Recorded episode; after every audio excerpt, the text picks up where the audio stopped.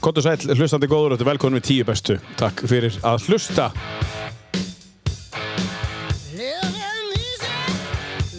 Já, við sitjum hér í podcaststudió Akureyri eins og við gerum alltaf hér fyrir Norðan heiða. Hér er gott að vera og uh, við tökum upp í podcaststudió Akureyri psa.is eða þú vilt fá nánar upplýsingar um það fyrirbæri og byrja á þínum podcastferli. Hér erum við með stútvöld, uh, eða semst gott stúdió sem er stútvöld að græjum sem að er... Uh, Uh, já, bara state of the art og hér er hægt að byrja og hefja sín podcastferil fyrir litlar krónur á mánuði. Hafðu samband á psa.psa.is eða þú vilt hafa samband eða bara undir, uh, við undir þetta náskir.psa.is uh, Kostunar aðilara, samstagsaðilar á þessum þætti eru meðal annars Valhalla Design sem að um, sáum að bólstra mótorhjólasæti mitt og ég fekk þau í lið, til liðsum mig að því að þarna eru að tala um fagmenn. Ekki bara fagmenn uh, þegar kemur á bólstrun, þeir eru stattir í Kópói uh, í- en sko verðið Eh, Þeir eru alveg bara að breyta svona bólstrunarmarkanum má segja, þannig að það er hægt að bólstra aftur á Íslandi á þess að eh, svona, gefa annan handleikin. Eh, Fair price, frábær vinnubráð, opbóstlega fælegir og gott að vinna með þeim. Þið finnið Valhalla Design á Facebook, sendið þeim skilabóð og bókið tíma hjá þeim hið snarasta. Þannig bara þannig, takk fyrir kostunum á tíu bestu, Valhalla Design. Svo er það Vikings Tattoo, það er maðurinn sem að ber uh, ábyrð á uh, líkamannum mínum, það er að segja litónum sem er á líkamannum mínum, það er hann Mundi.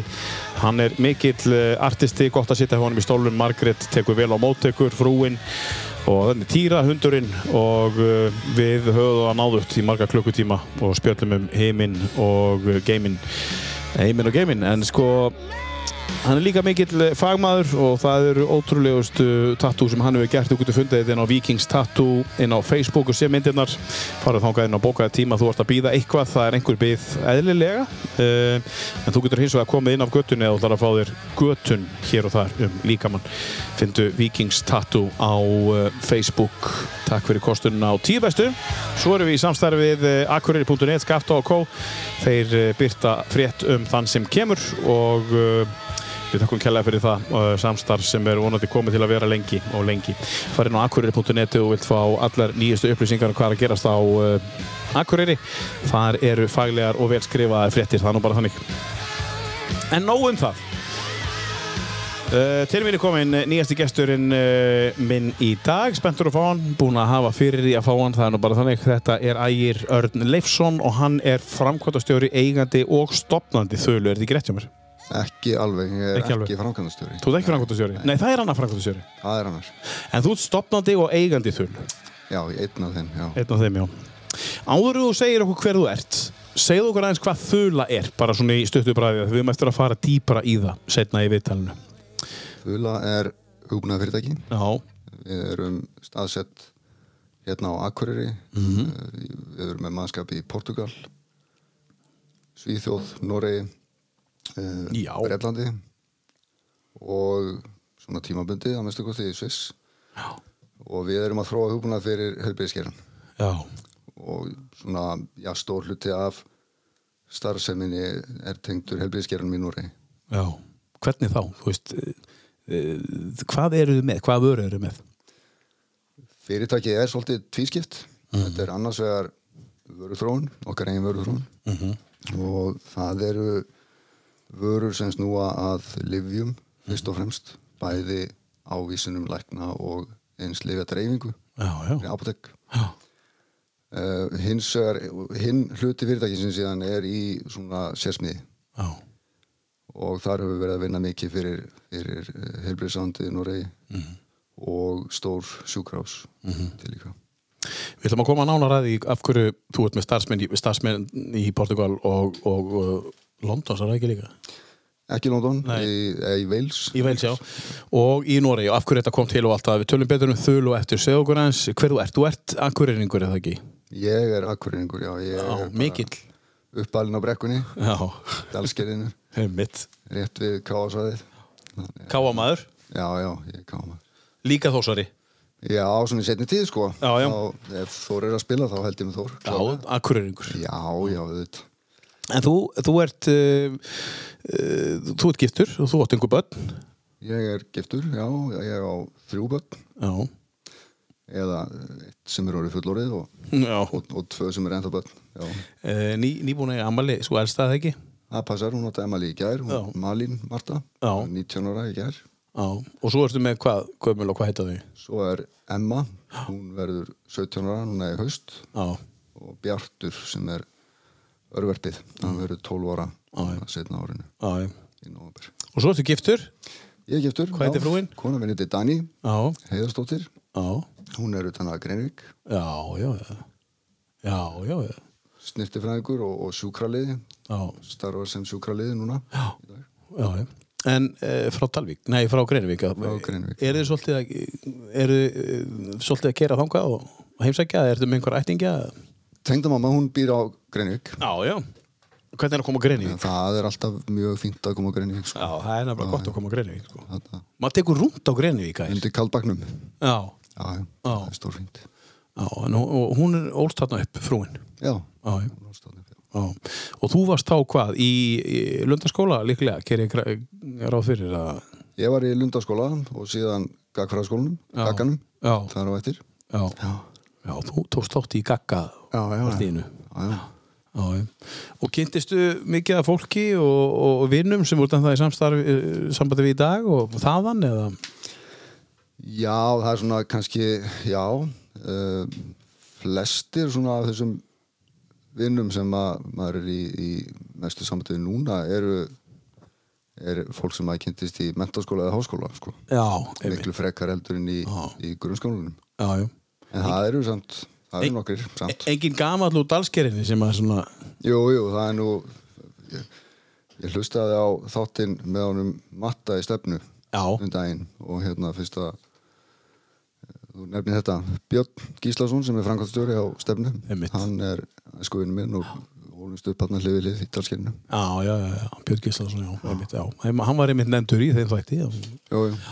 uh, en, en sko svona yngri árin varst það eitthvað fótbolta eða varst í einhverjum íþróttum eða já, Fótbolta? já, þetta var svona bara eins og, eins og gekk sko á þeim tíma það var bara fótbolti á sömurinn og handbolti á vetuna, já, þetta var þannig í skemmunni já, já, og höllinni og, og hérna, ég var nú aldrei, aldrei sérstaklega sleipur í þessum bolta í sko en maður var í þessu svona þegar maður var, var lítill sko já svona upp á, Svo- upp á svona- félagskapinn og svona þar rann maður út úr þessu svona þegar þegar á úlinsjárunum sko Hvenar hættur í, í hvor, hvor, hvor, hvor sporti var lengur með þér? ég held ég hafi nú verið aðeins lengur í fótboltan en þetta er hætt, ég hætti nú svona svipuðum tíma, ég held að ég hef hætti í fjóraðaflokki í fótboltanum eitthvað svoleiðis, sko, Já, já, já. en ég var nú ekki lengi í þessu En þá var þetta þannig, sko, að eins og ég segi, fótboltin var á sumrin og þetta var ekkert flókið, svo hann tók bara handboltin við já, já, á, á vetuna. Ég man eftir uh, f- sko, stórum fótboltaleikmönnum sem að fór að spila með Káa, sem voru bara spiluðið handbolta, eins og Ellingur Kristjánsson spilaði handbolta með Káa og, og hérna, e- svo fór hann beint í sísónu hjá, hjá, inn í- yfir, yfir hérna, fótboltan og hann gerði þetta ár eftir ár eftir ár. já, þetta gerðum það bara sko Eh, þú veist þetta gerði menn bara hún bara beint inn í, sko, inn í, inn í brjála sísón í, í tveimur Já, íþróttakröfum já. síðan nefndur þau skemmuna þarna að því að, þú veist, ég hef gaman að tala um þetta þú veist, þú bjóst upp í Dalskeri Eh, skemman er hérna lengst nýr á Eiri það ætla að segja ekki fjóri, fimm kílómetra ángað já, já, ég veit ekki, þrýr kannski það var bara gengið já, já, maður bara labbaði nýr yfir og Í hvaða strætó, veð- strætó heim sko já, í hvaða veðri sem já, er, já. já það var bara þannig reyfi þetta stundum upp í dag þegar maður er að skuttla krökkunum út um allt sko. já, bara í næsta húsleiku við sko ekki að ræða það að mann hefur skutlað þannig sko. nei, það var Gat nefnilega bara ekki verið að biðja um það, sko. það var ekki einu sinni sagt þú lappar í dag það var bara sagt bless já, já, þá voru bara búin að klæða sig í og strákarnir mættir og um löpuðum nýr yfir já, já þetta var ekkert mál sko en þá var ekkert allsbreytin, þá varstu bara alveg niður í bæ og, og, og, og hérna þetta er Já. hálftíma 40 mínuna lapp sko Já, alveg örgulega eitthvað já, svona, sko. þannig að þetta var ekkert mál Nei. Nei. Já, ég man ekki til þess sko nei, nei, nei, nei. en að þú hættir í, í, í uh, fótboltanum og handboltanum hann í fjóraflokki um, er eitthvað sem tók við þar eða? Nei, ég sjálf þessi var eh, mjög lítið í íþróttum síðan fyrir en bara eh, í mentaskóla sko, svona átjónur þá hérna fór ég að bara lifta bara í ræktinni eins og Já, já. gengur sko og var ég sjálf þessi bara í því alveg þangað til í COVID sko já, ok, þá breytist eitthvað Já, já, þá breytt þá fór maður, fór maður að sjá því hérna um þú allan bæ Já, já, þá fórstu út að hlaupa Já, ég byrjaði að fara að hjóla Já, aðeins. ok. En þetta er semst þegar stöðuna loka og ekki þetta að gera Nei. og ég er náttúrulega vinn í vinnu þar sem ég sitt tóra sinnum allan daginn Mhm. og tala í síman -hmm. eða Teams og Mhm. hérna maður þarf að reyfa sig eitthvað þannig að ég byrjaði á að reyna að fara eitthvað aðeins út að hjóla Mhm. sem var bara fínt Eh, ég hafði slitið hásinn hana eitthvað aðeins áður og kefti mig þá hjól svona til að geta farið að í einhverja endurhengu sko Mhm. Ra- rafmagnshjól? Nei, bara, nei, nei Æli.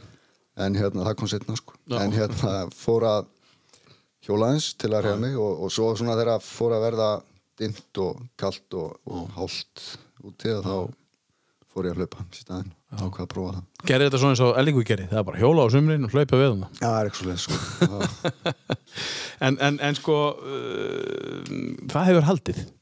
Já, já, ég hef hérna Fannst þau svona eitthvað nýtt passion eða? Já, það má alveg segja það ég sko, ég hef aldrei nefnt að hlaupa nýtt þannig að- og aldrei eftir áhuga á því sko hljópa eitthvað aðeins þegar ég var í mennskóla í einhverjum Skildurhlaupum. Já, eða ég það var einhver svona smá meðsli sko, þannig að ég gæti ekki verið að lifta og þá var ég hljópi ykkur smá tímas en, en ekkit meir en það sko, þannig að en ég fann hins vegar þegar ég byrjaði á þessu núna að þetta svona mér fannst þetta bara gaman sko Já. og þetta var auðveldara heldur en ég held þetta var ekki jafn jöfulega erfitt eins og ég held þetta er sko. Þetta er svo góður hlau- hlaupari saði við mig sko, þú, þú nennir ekki hlaupa því þú getur ekki hlaupið en ef þú getur hlaupið þá nennir að hlaupa Já, já. og það er nú bara þannig að þá er þetta svo mikið frelsi sko, upplöfum mikið frelsi en hvað tekur við þegar þú ert búinn í kakanum, Hva, hvert ferðu þú, þú talar um Emma, verið í mennskólan Ég fór í mentaskólan, já. Já. Ég fór í mentaskólan og hérna þá var mentaskólinn þannig að fyrsta árið það var bara sammeilið, það var bara eins. Það var ekkit, engi- ekkit brautál á fyrsta árinu sko. Já, já. Hérna, síðan var eh, á öðru ári, þá valdi maður braut, þá fór ég á náttúruræði Já, já. og hérna var svo sem byrjaður að vinna eitthvað í þessu tölvuvesinni sko með skólanum þá Já, já. en var samt ekkit búin að ákvæða hvað ég ætlaði að gera sko. En ég verðin að spyrja, voru tölvutna komnar þá? Ég er ekki að segja þú sett eitthvað brjálaðslega gaman en, sko, en þú verður að skilja akkur ég spyrir þig Já, 16 ára þarna. já, já. Ég kefti tölvu þ- fyrir fermingapeningin Já, já, eins og margir aðrir já, já. félagar mínir Það var fyrst tölvan segir næst Það hefur verið hvað er maður, 14 ára já. 90 Nei, 80 eitthvað, Já, Þetta er 89 80 og eitthvað sko Það er að reikna sko, 89 Já, þú sér það En, en sko, fórstu bara strax að forrita? Fórstu strax á bakvið eða varstu bara, fórstu strax að hafa áhuga á forritun þá? eða? Nei, ég fór ekki að forrita en ég hins vegar fór strax að fykta rosa mikið í þessu sko rífa þetta í sundur og, og laga og hérna Þó þetta verið nýtt Já, já, þetta er svona maður lærir þetta bara fljótt sko Já, og hérna þannig í gamla dagan alltaf eins og þú segir þetta er orðið svo langt síðan sko að, já, að maður var miklu nær uh, hvað á maður að segja þessum hérna öllum þessum dítelum í tölvunum sko maður þurfti að skilja miklu meira hvað var að gerast heldur en í dag sko þetta var Já. ekki bara að benda og smetla sko nei, ég skil Já, þannig að ég var nú svona fljótt komin í það að hjálpa fólki hér og þar með eitthvað vesinn og, já. og hérna já, Hafa tölfur alltaf verið svona með þér síðan já, já það er í öllu sem að þú Já, hefur já, tekið fyrir hendur já, já Já, það hefur verið svona gegnum gangandi sko. já, Ég, hérna, áður en ég byrjaði í mentaskólanum já, það hefur verið sumarið áður sko, þá hringdu þeir í mig frá tölvutæki bókvall sem það var til já. og buðu mér að koma að vinna Mhm. þannig að hérna, ég vann þar alltaf með skóla og, á- og á sumurinn sko, Já, já. með mentaskólanum og á sumurinn já, þannig að ég er í sjálfsög búin að vera í þessu síðan ég var 16 ára sko. já, þetta var alltaf verið svona hluta þér já, eitthvað já, En síðan uh, tekur mentaskóli við, Hva, hvað gerir svo þegar hún búið mentaskólan? Þá, tóku ment, þá, þá tók mentaskólin fjögur ár, nú tekur hann þrjú ár hann tók fjögur ár þannig að Já. ég var bara rétt að þetta í tvítut sko þegar Já. þegar hann kláraðist Hvað gerist þá? þá náttúrulega við, vissi ég bara ekkert hvað þetta gera Nei, nei, Ég var hver ekkert- veit var það? ekkert búin að ákveða neitt sko Á, Það veit þetta ekki nema. nei, nú, það var svona búin að pæla í hinn og þessu og hérna ég var, svona, ég var búin að pæla í að fara í efnafræði mögulega Já. gekk alltaf mjög vel í mennskóla hjá mér og, Já, já, og hérna hann Jóhann sem að kendi nú með- efnafræði mennskóla hann var búin að leggja harta að mér að fara í það hún ákveða það fyrir þig allanum vonbröðum þar en mér langaði að fara eitthvað til útlanda já, já. og var búinn að skoða svona, eða pæli hvort þetta fara eitthvað til Breitlandsega en hérna þetta er náttúrulega, interneti var ekki á saman stað í dag Nei. þannig að þetta var svona meira vesen að finna út úr þessu og hérna, Þá þarf að fara að vera í allasinn. já nánast sko og hérna upp- bara upp á að finna skóla og hvernig að sækjum og eitthvað svona tómt vesen en þetta á þessum tíma þá var Íslendingur að vinna hjá háskóla út í Svíþjóð Já. í Köfti Mhm. sem hafði stunda það svolítið að koma til Íslands og sækja stúdenda í háskólan úti Já, já. Svona skátt einhver. Já, hann kom bara og smalaði sko Já, og smalaði hérna, bara, já. þeir svona voru að glíma svolítið við það, það var mikið fall í starffræðigreinunum hjá þeim sérstaklega sko Mhm. og hann hafði fundið það út að fólk úr mentaskólanum var ekki mikið í því að falli starffræði hann Nei. þannig að hann kom hérna alltaf á hverju ári eða svona á, Já, já. á vorin og, og sótti fólk og hérna það endaði með því að ég fór þanga út á samt fleirum Já, já. munum, þrýr þarna sem fórum saman út sko. Mhm. Og þú talar um höfde. Þú talar, þetta er skánska, eða ekki? Þetta er, Nei, þetta er norðar þetta er þetta er, norðar. norðar, já, þetta er svona eiginlega bara á milli Gautaborgs og Stokkons Gautaborgar og, og Stokkons Já, já. Þetta er ekki skátt, þetta er höfde. höfði, já Talar góða sænsku, ég er ekki að fara að byggja þeim að tala sænsku en talar góða sænsku Ég talaði góða sænsku í gamla daga. ég bjóð þarna út í fjögur ár og þetta er fjögur ára Já, og hérna þó ég segi sjálfur frá þá ég náði sænskunni bara mjög vel Já, já, Eh, það svona tók smá tíma en, en gekk bara fínt en hún svona þegar ég fór að vinna svona mikið í Noregi og með fólki út í Noregi þá eiginlega skipti ég sænskunni svolítið út fyrir bara einhverja svona hybrid skandinavisku sko. já svona blandina Ég- Já, ég tali eiginlega ekki sænsku og ekki norsku sko, þetta er eitthvað svona mitt á milli Þetta er náttúrulega tvö ólík tungumál miðaði hvað þetta er eh, löndin liggja nálægt hvort þau eru, þú veist, það er bara landamæri á milli,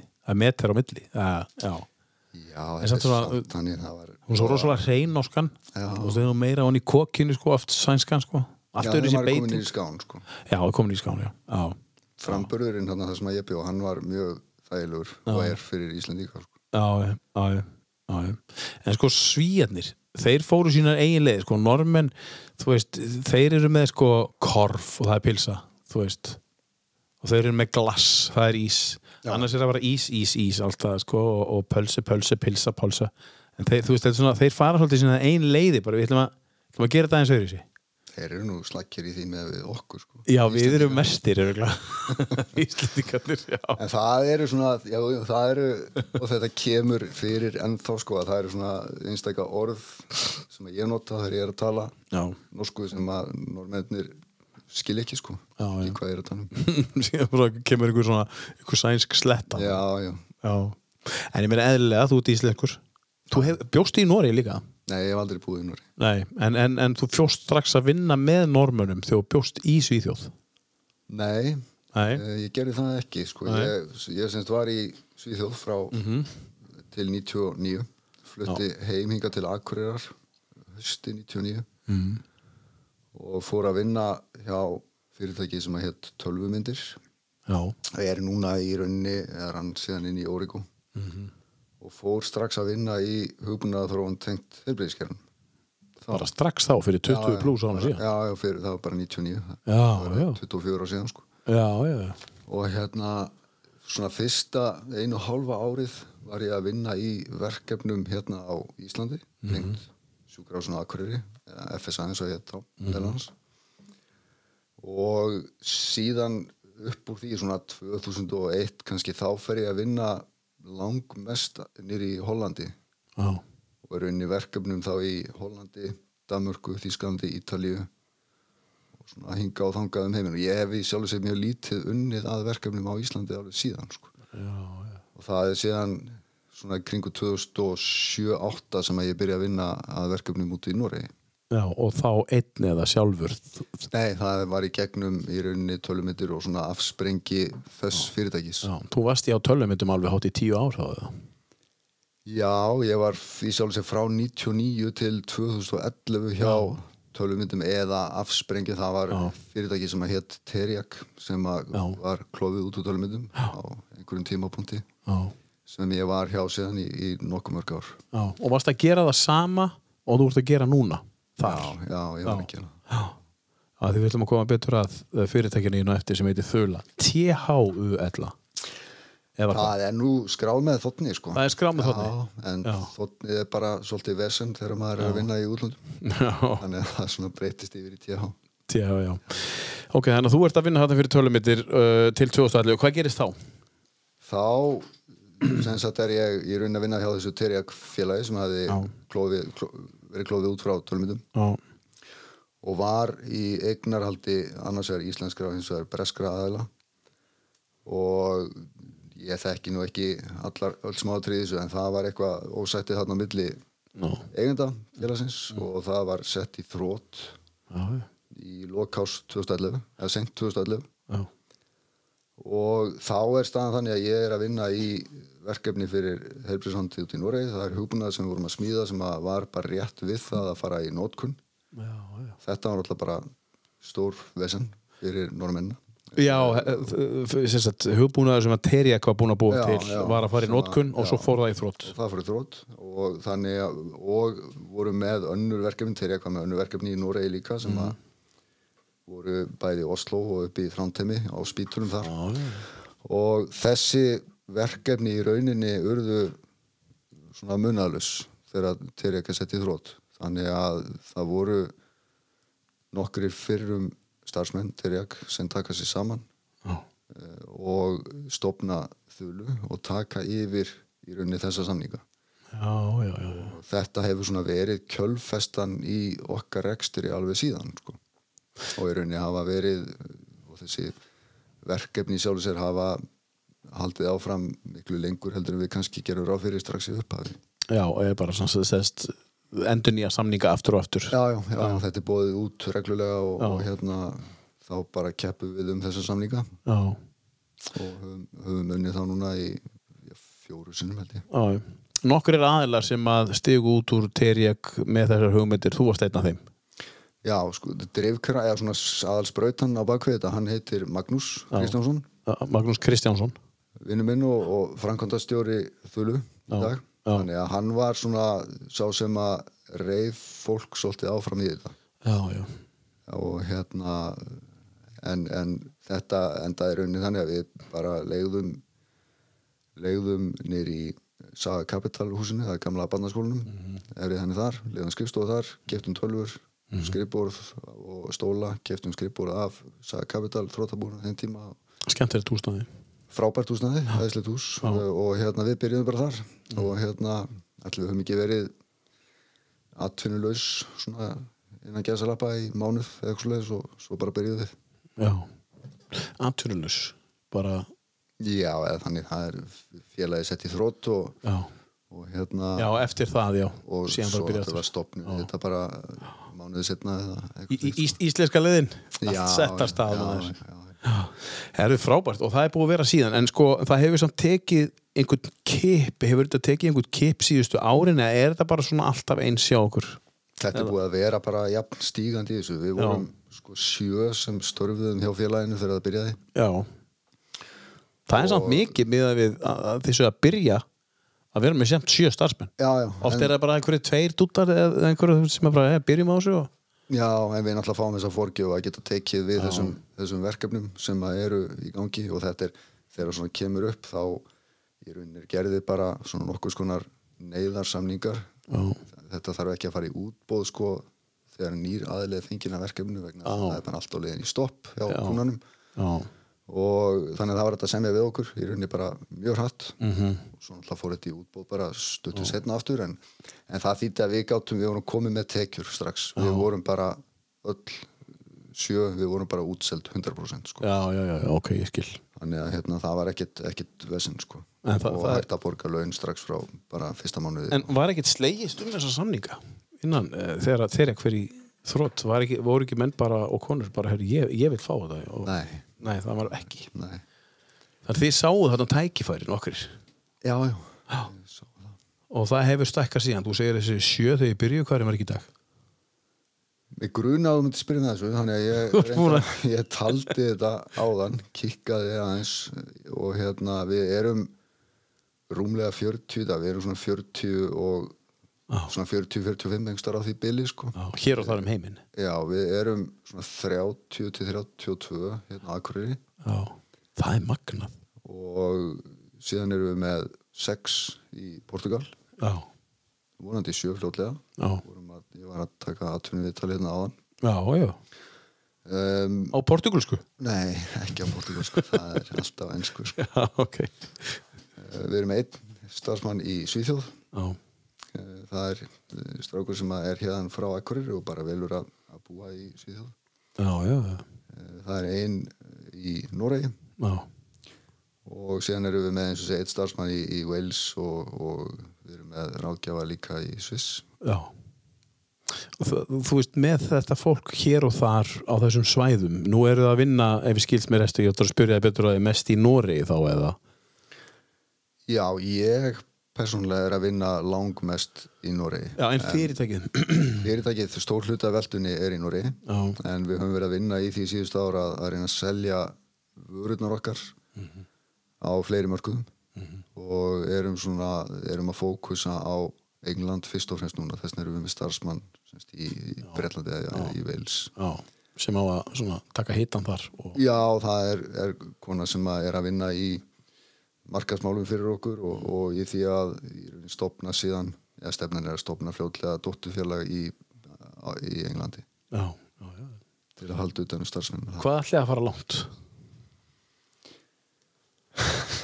Þetta er góð spurning. Ég, hérna, ég hef nú ekki hugsað mikið út í þetta. Sko. þetta er, það, er, það eru kannski aðrir hjá félaginu sem að hugsa meira um þetta. Ég er meira svona bara að horfa á næstu vörðu alltaf. Sko. Já, Og hérna, næsta varða núna það er að koma af stað hugbúnaði sem við höfum þróað fyrir utanumhaldu utanum eftirritunarskilið, það eru morfínlif og, og svo leiðslutur sem þarf að halda mjög vel utanum inn á helbriðstofnunum til að það er hverju vekki Mm, já, já, á einn eða nátt og þetta er við höfum verið í, í samstagsverkefni við sjúkrafis í Birmingham til að þróa þessa lausn þetta er lausn sem er í nótkunn upp á hlýð hérna á Akureyri, öllum yfirum Akureybær Er þetta hvað á tallingar? eh, Já, þetta heldur utan um í rauninni hvað á að vera til mikið af þessum morfinlegum til dæmis hvað er mikið af þessu sem að er gefið sjúklingum, Já. hversu miklu er hend Já, ég hversu miklu er eftir þeirra búið að taka af þetta er, það er haldið utan um þetta allt Já, saman það er bara fyrir pillu bara Þetta er upp á pillu líku við sko á pillu eða millilitra Eða eða millilitra, eða hvað- hvað er, hvað já. er sko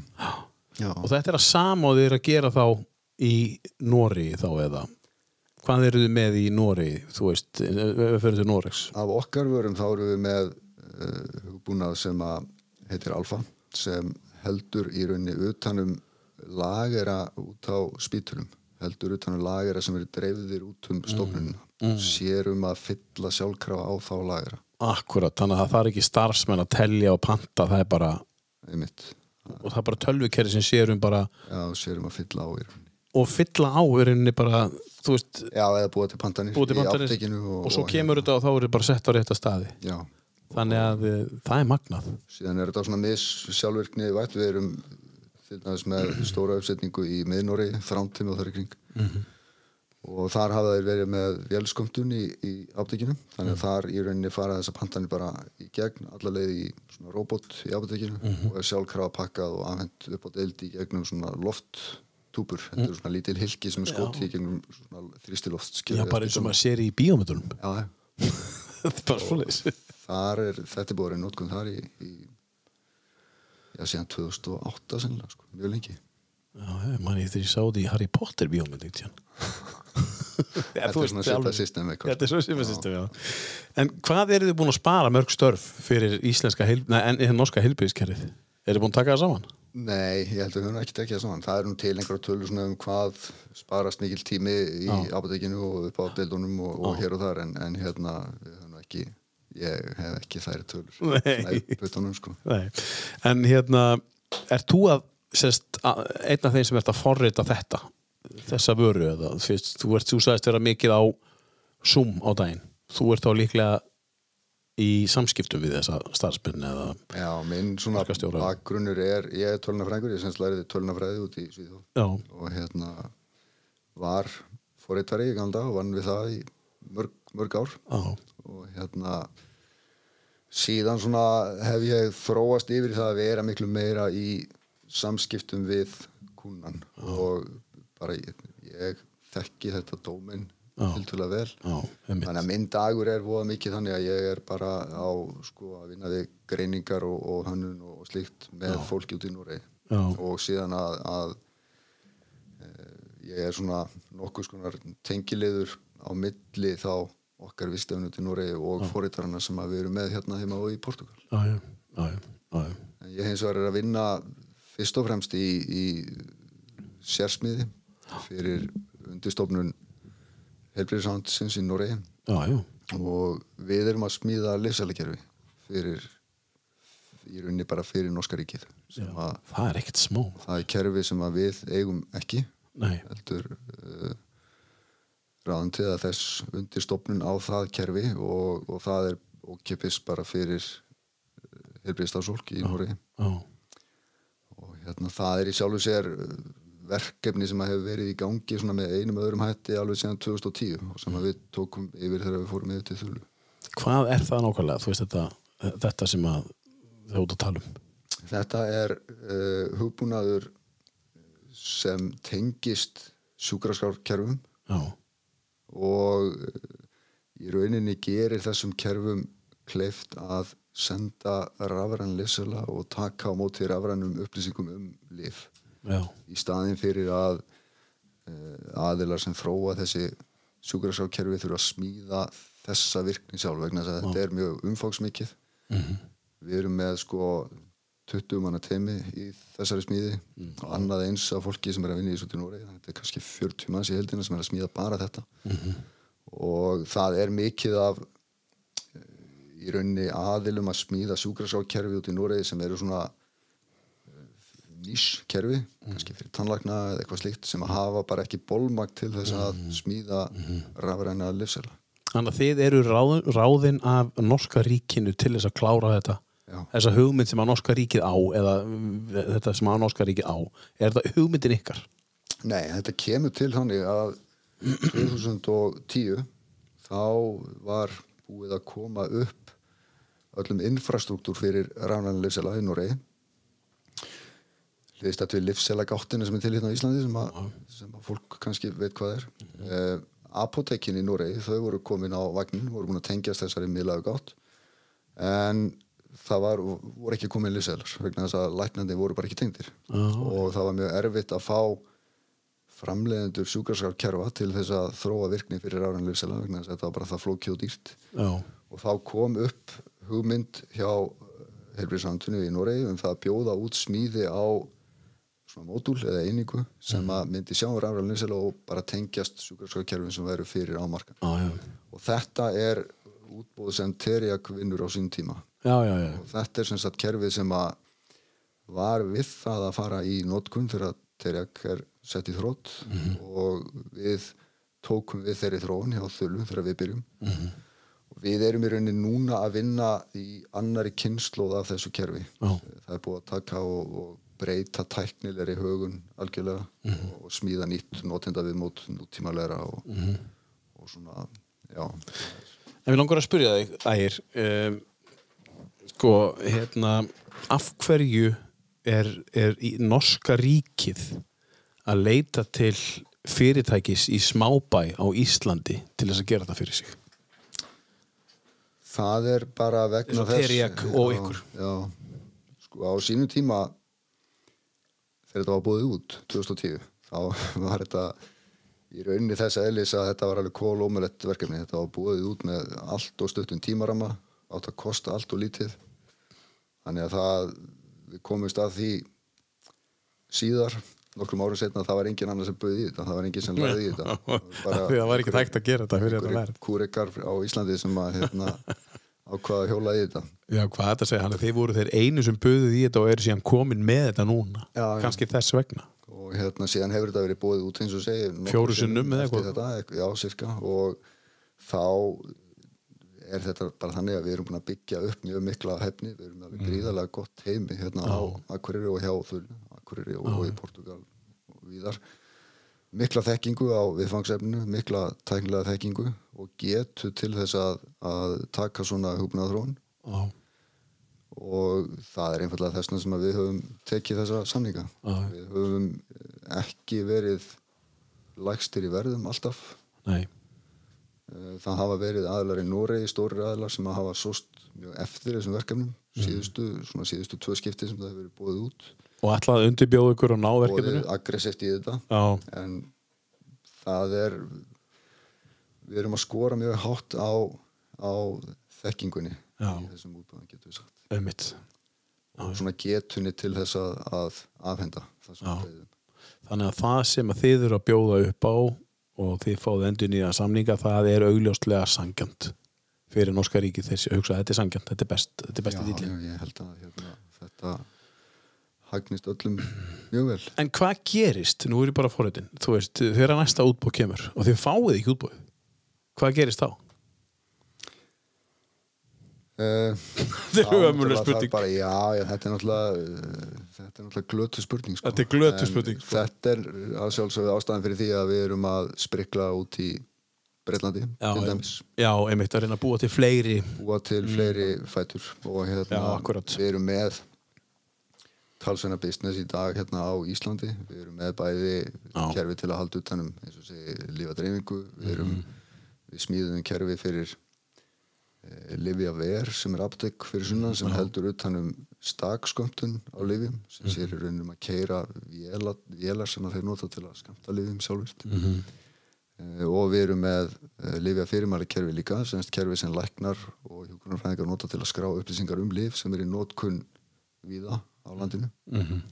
þannig að það hefur sjálfsög gengið vel Já. hér á Íslandi að, að stækka businessin og, og svo höfum við svona verið að sprikla út í Já. Európu og út í Brellandi Portugal, það er bara starfsmenn, þeir eru ekkert að fara að stækka þar eða að fara að opna eitthvað þar eða það er starfsmenn, af hverju leitið þið til Portugal, bara fórhundin við erum með, við eigum dótturfélag í Portugal, við Já, stofnum fyrirtækið þar Já, já, já. Eh, og það er í rauninni bara gert til þess að geta haft uh, starfsfólk þar, ekki bara uh, verktaka Mhm, og til þess að geta búið betri ramma bara um, utanum, Já. utanum fólki um sem starfar þar Já. en þetta kemur til þannig að, að einn af þeim sem að stopna þölu er frá Portugal Já, já, já. hann býr hérna á Akureyri, það er rétt utan Akureyri og, og hefur búið hérna í mörg mörg ár Já, Fernando heitir hann meira já, stórvinni minn um, og á tímabili svona í kringum 2012 kannski þá vantaði okkur fólk já, það var erfitt að finna fólk hérna heima og hann þekkti fólk út í Portugal sem að var að leia í rauninni út starfsfólk, svona starfsmann sem var hjá starfsmannleigu Já, já. og við tókum inn nokkra starfsmenn þar Mhm. og þessi bolti sjálfsög hefur rúla bara Já, já. síðan þá sko. Já, og enda með því að við stopnum félag og, og erum með sex starfsmenn hérna núna og vonandi sjö já. já. Er, þið, er það sem sagt svona sérhæft sérhæft störfsolti sem þau eru að bjóða upp á sem að er ekki, hver sem ekki getur stokkið inn í þetta er svolítið sérhæft eða?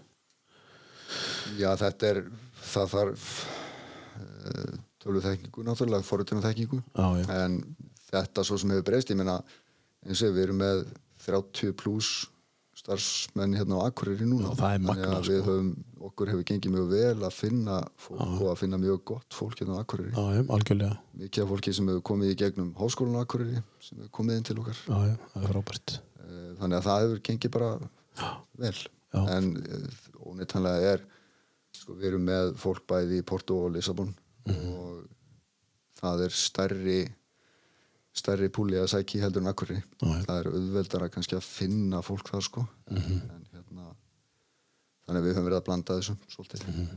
Áður en við höfum í listaðin um, Þula, nafnið þetta eh, kemur nú til þannig að hann Magnús sem ég nefndi á hann hann Kristjánsson. átti, Kristjánsson, hann átti þessa kennitölu á lager Já, já, já, ok Þannig að sko kennitalin er síðan 88 Vá. ef ég maður rétt. Og, 88 já, síðan 1988 þá hafði hann stopnað þetta félag ásand tveim félagum sínum og eh, þeir voru þeir áttu félagið ennþá þannig að þarna eh, þegar okkur, þegar við ætluðum að fara að stað þá var í rauninni bara ákveðið að, að kaupa þess að hérna tvo út og í rauninni bara borgaðum hluta því sitt tilbaka og, og að starta á þessari kentölu Já, já Þetta er ástæðan fyrir þeir að fá öll þessi þessar endurnýjanir, þeir eru með kennitölu frá Já, 88 ég er með Gamla góða kennitölu. Það er, þeir eru með 88 kennitölu Það er mjög óalgengt í dag Já, já, Ég er svo sem veit ekki hvað er mikið hort í það í Núri sko. Nei, normen heldur þeir horfa ekki að þetta maður Já, ok, jú, jú, er, kannski Það lítur að á vera íslensku kennitölu Já, herðu, þú finnst verkefni með, með hennar listaðinn var þetta, var þetta erfitt eða flókið eða var þetta bara easy að setja saman tíu laga lista yfir þínum upp á slögum við byrjuðum nú á ACDC Highway to Hell það er á, á þínu lista Já, þú ert ACDC maður já, já, já já, Búin að reyna að sannfæra sonminu það að, að það sé vísindalega sannað að þetta sé besta hljómsveit í það er heimi bara vísindalega Þessi svona. dísi, þetta er bara, það er bara geðmál þetta er náttúrulega frábært tónlist sko. Já, já. bara einfalt og, og niðursóðið kjarnað rock sko. Já, já. getur verið að flækja málin Nei, nei. En- Byrjuðum á Highway to Hell já Hvað, hvað, hvað mynduru hvað mynduru vilja taka næst hérna, á, á þessum svona í framhaldi að þessu hérna Ef við ekki að halda áfram í rockinu bara og fara næst í ham Já, sem er ef ACDC er besta hljómsveit í heimi þá er ham besta hljómsveit sem Ísland hefur alveg held ég. þetta er mikið rock sko þetta er stórkoslegt Þið eru hlustað mikið á ham eða lengi eða Það var frá því að koma út eða ég hef hlustað mjög mikið á þá eða mér veist blötunar sem ég gaf út núna 2011 og 17 frábærar, algjörlega frábærar Já, það eru bara nýja, nýlega plötur Já, já. Hlustum á það Ég lag stáða mest svona í setni tíð sko Já, þetta, þetta, þessi plata heitir Söngur um helvíti mannana Já, skemmtilegi titlar og þarna er hljómsveitin Ham uh, og uh, lagi Brekka, við skulum hlusta á það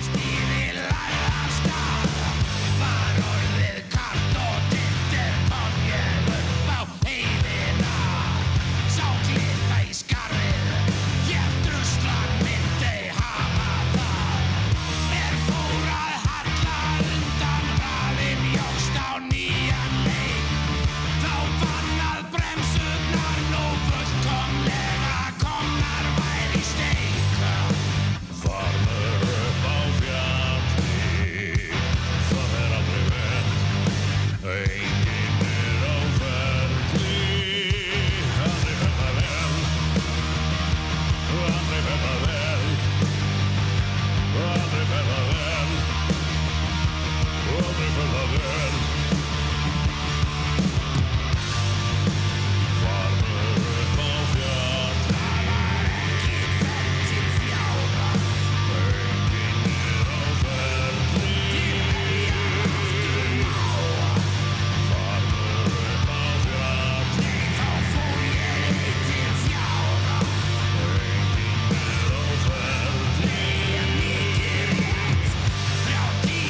Tonn af stáli, allt skarf og nötraði Reyndi að halda öllu draslinu við malbyggir Ég hefði betur látið kall helvítið eiga sér Ég tröfnum fylgi allan leið og þótt hún liggi niður á við Farmur upp á fjalli, það er aldrei verð Enginn er á ferli, aldrei fer það vel, aldrei fer það vel, aldrei fer það vel, aldrei fer það vel. Farmur upp á fjalli, Já, já, þetta er uh, Ham og Brekka af uh, listanum hans Ægis, Ægis sem sittur hérna á mér í tíu bestu. Takk fyrir að hlusta á tíu bestu. E, næst ætla ég aðeins að spyrja þig hérna Ægir um uh, fjölskyldu hægi. Við spurðum um uh, Dagný Frúna og hann og, og börnin en, en hvað foreldrar og sískinni og svoleiðis. Hvernig er staðan á því? Hvað er í rauðinni? Áttu ykkur sískinni eða? ég á tvo bræður Já. Ég er í miðjunni Þú út í miðjunni? Já. Já. Hvernig er að vera miðjubróðir? Ég náttúrulega þekki ekkert annað sko Nei, þú hefur ekkert viðmið við eitthvað annað. sko. Nei, en sem sagt eldri bróðum minn, hann er, hann er aðeins eldri en ég Hann Já. er 7-8 árum eldri en ég Já, já. um, 8 árum eldri en ég Mhm, Þannig að hann var náttúrulega orðin svona dáltið stálpari heldur en við grísinir sem komum þarna á eftir sko Já, já. Yngri bróðum minn síðan aftur er 3 árum yngri en ég Já, já, Þannig að við erum aðeins nær í aldri já, já. Og er gott samband á milli og, og er eitthvað öðru sér sambandi með yngri eða eldri eða, þú veist, út, út af þessu, svo gott að segja. Nei, ég myndi nú ekki segja það. Við, hérna, við, já, já, það er gott samband, en hérna, við erum ekkert allt og duglegir kannski Nei. að halda sambandin, sko, en hérna, en, en fínt samband og, og hérna, alltaf gaman þegar við hittumst, sko. Hvar eru þeir á landinu eða í heiminum? Sá eldri, hann býr hérna á Akureyri, Já, já, hvað heitir hann? hann heitir Skarpiðin, Já, já. hann býr upp á Brekku, Já, í rauninni eins og ég. já. Já, hérna, Brekku sniglar. Skammalegt hvað við hittumst sjaldan, í rauninni, búum bara í næsta Hlið við hlið. nágrenni. Já, nánast, sko. En það er nú bara svo leiðist, þið eru í Já, ykkar já, bara. já, já, já. já.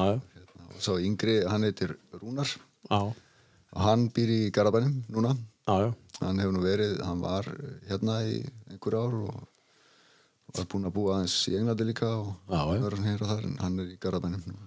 Hvað gera þeir, e, e, þessi strákar? hann, Skarpiðin, hann var búinn að vera lengi hjá Norlenska Já. mörg ár Já. og hérna hann er hjá Póstinum Já, núna já, Rúnar, hann er fordlegafræðingur já, já. doktor í fordlegafræði og Já, doktor. já, hann kláraði það Já, já. um, og hérna hann er forstöðumadur minnjastofnunar Já, já, já. En fóreldrar. Ég veit að pappiðin heitir Leifur. pappi heiti Leifur Já, Ægisson, já, hann er kjöttinamadur já, og vann hjá kjöttinastöð KEA og síðan Norleska í já, já. alla sína tíðilega sko, eftir hann Klassískt. kláraði kjöttinna hann er hættur að vinna núna Já, fyrir þó nokkur árum síðan sko já, já, það fer að verða tíu ár síðan held ég. já, já, og hérna, já, er bara á eftirlunum Já. mamma, hún heitir Guðrún já, Skarpeinsdóttir Mhm. hún er hérna úr bænum pappi er utan í Hjalteri Mhm. Eh, mamma hún er úr innbænum Mhm. og var eh, heimavinnandi svona að mestu þegar ég var krakki Mhm. sem var náttúrulega bara luxus fyrir okkur sko Mhm. Eh, vann síðan við ræstingar í slipnum alltaf svona s- undir kvöld Já. hún fór alltaf svona setnipartin þá fór hún að vinna og var síðan að koma heim svona undir kvöldmatt og já, já. Þá var eldað. og þá var eldað sko. Já, já. en sko, afarnir, þið, þið, þið, þið af, afanöfnin, þið, þú á skarpiðin. Já. En Rúnar, hvað hva er það? það kom nú bara, ég held að það sé bara út í bláin sko. Það er út í bláinn já, já, bara. það var búið að hérna, hérna skildurnar með mig og skarpiðin og, og ég held að ég held að mömmu hafi nú bara fundist þetta fallet nafn Já, þetta er bara fallið þá. held að sé ekkert ekkert ekkert að- meira á bakvið Það er það ekkert flókið.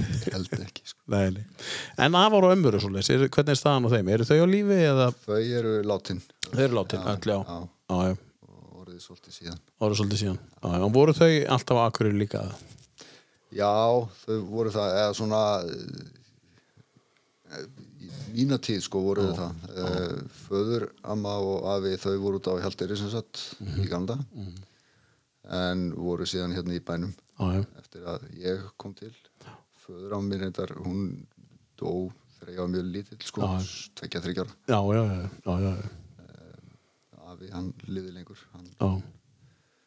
fór 85 og, og föður hann 87 ef ég mann það rétt já þetta er svona langt síðan Já, já, þetta er mjög lótt já, já, já, já, og, og móður að mann síðan það er stittar síðan hún fór en, en samt orðið það er orðið mörg ár síðan já, já.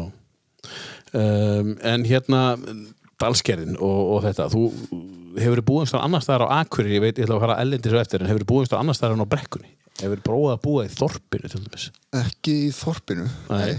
það er sko þó ég sé nú afskaplega eða hlust, hugsi lít til Þórs Mm. á það er nú pínu djúft á því að flytja út í þorpið sko. ég verð ána, það Já, má ekki sko. já, já. já þú, það er þannig nei, ekki Þegar það eru þannig, fastegna auðlýsingar ægir, ertu ekkert að skoða 600 og það? Nei, ég gerði það nú ekki. Það er ekkert mjög langt sinna við fluttum síðast og hérna, nei, við vorum ekki að skoða þorpið og við vorum ekki að skoða næstakverju heldur. Sko. Nei, nei, það var bara brekkan. Já, já, það er svona brekkan. Ég hef búið nýri miðbæ Já, auðvitað. í brekkugutunni, hérna fyrir ofan skóbúðina, ég leiði þar. Uss, já, já, já, glæsilegt. Það var hérna í, á þeim tíma þegar voru strippstaðar hérna út um allt Já, já, voru Ég var tveinir í með- miðbæi, einn í- Já, það var það eina sem ég sá út um gluggana ég var með eitt glugga, það er gluggi sem er hann inn í portinu við hliðin á skópuðinni já, já, já. og maður sá ekkert nema bara ingangin á Ó. oh. strippúlunum svarandamót Þannig að ég bjóð þar, svo hef ég verið í, í uh, fluttið þann upp í Munka þurrastræti já. við Dani byggum þar fórum þann upp í Helgamanastræti mm Mhm. síðan með við komum í Hollandi fórum við upp í Þórunastræti Já, já. og svo aftur nýri í Munkan Það er bara svona, alltaf er svona, er svona e- e- e- Já, einni já, þetta götu er svona ofar. einni götu ofar, við Já. heldum alltaf að við myndum fara úr Þórunastrætinu upp í Ásök Já, einmitt, já, það, það, er verið svona rétt- næsta skref. rétt átt, sko, en, en það endaði með því að fara tilbaka niður í Munkan þurrastræti Já, þið eru í munkarna núna. já, við erum í Munkan Já, já, og hafið það fínt, búin að kaupa ykkur fínt hús þar og... Já, Ný, nýfluttuð við- ekki? Já, svona til þess að gera, við keftum hús þar, þetta er gamalt hús Já. Eh, svona fer að detti að vera 90 ára gamalt Já, og hérna á tveim hæðum Eh, Já. og við tókum allt innan úr efri hæðinni Já, já. það voru, ég var með steipasögun Norrlands Já, þarna bara í viku að saga niður veggi já, bara losa. og það var allt hreinsað þarna út sko, þannig að við tókum þetta alveg í gegn Já. og hérna búum þar í dag Þú talar um eitt af elstu húsunum, hérna, er, er þetta þristurinn eða eða er þetta bara alveg efst í munkarna með það? Nei, nei, þetta er svona um miðan múkan sko. Miðjan Munkann, Já, já. þetta er, ég veit nú ekki hvort það er eitt af Nei. vestu húsum en þetta Nei. er byggt 30 eitthvað þannig að þetta já. er svona fyrir Já, já. að þetta er 90 ára Já, það er, lítur að vera eitt af elstu húsunum. Þetta er, góð, þetta er góðstæður uh, til að vera á. og- frábær staður Já, og þið líður vel þarna Já, já, já. og svo, svo þú veist, það var brekkugatan líka sko. þú var rátt að því á brekkugatan Já, já. og svo var það munkin og svo var það Helgamannsstræti. Helgamannsstæti og svo Þórunnarstræti. og, Þórunn- og svo Þórunarstæti líka Já, já, það er- það var það Ein eitt gata skref í inn, einu já, ein já. gata. Það- fyrir ykkur sem er ekki að hlusta þetta er bara gata fyrir ofan alltaf næsta gata fyrir ofan Alltaf upp brekkuna já, og svo niður um tvær aftur svo niður um tvær. já, við viljum vera þar sko Ég held að við séum nú stopp þar núna sko. Já, er ekki Já. Herru, við skulum hendi í lag uh, og, og fara síðan, ég ætla að spyrja þig uh, þú hefur búið annars staðar uh, líka erlendis, það er að segja ekki bara í Svíþjóð Nei, við Dani fluttum til uh, Hollands Mm.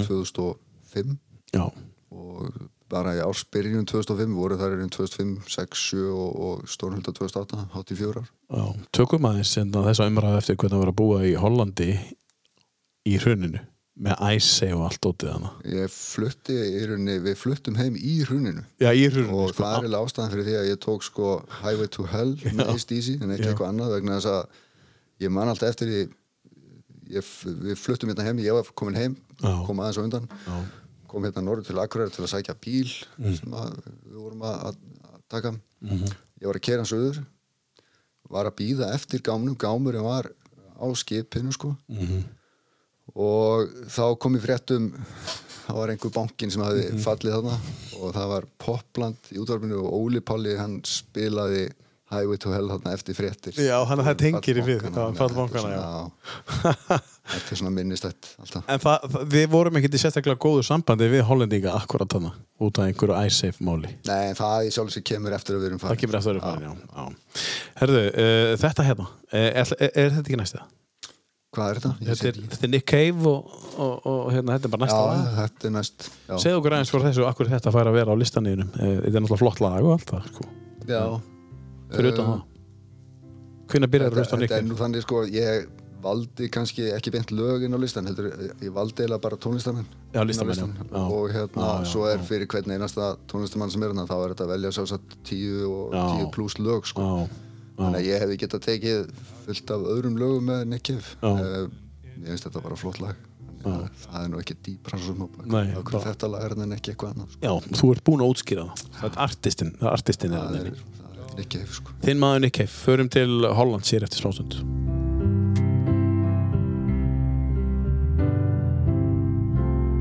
But if I did, I would kneel down and ask him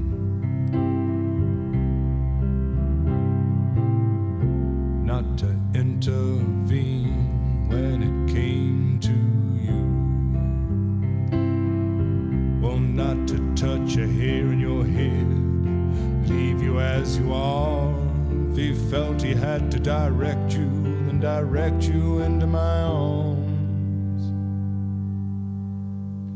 into my arms, oh Lord, into my arms, oh Lord. Oh,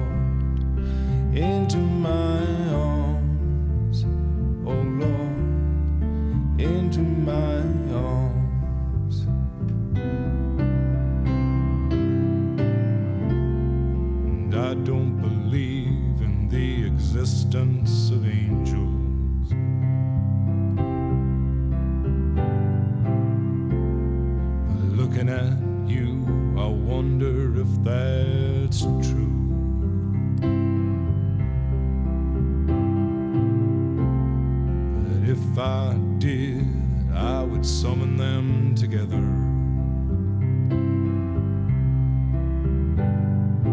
and Ask them to watch over you.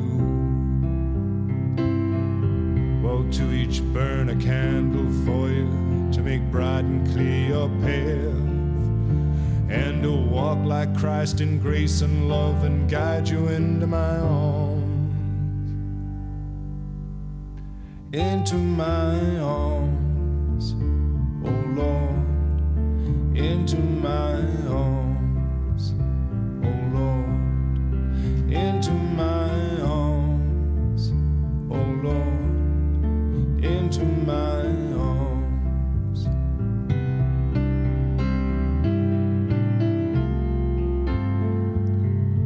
But I believe in love, and I know. that Fallegt með Nick Cave uh, og hljómsveitar hans The Bad Seeds Into My Arms á listanum hans ægis uh, Við vorum komin til Hollands ægir Já, við vorum að leiðinni þákað Við vorum komin upp í vélina Já, Hvernig var að búa í Hollandi? Læriður þú flæmskuna? það var f- bara frábært að búa í Hollandi Það var- bara fór alveg frábælega vel um okkur Ætli þetta vera það. Hvar voruð þið í Hollandi?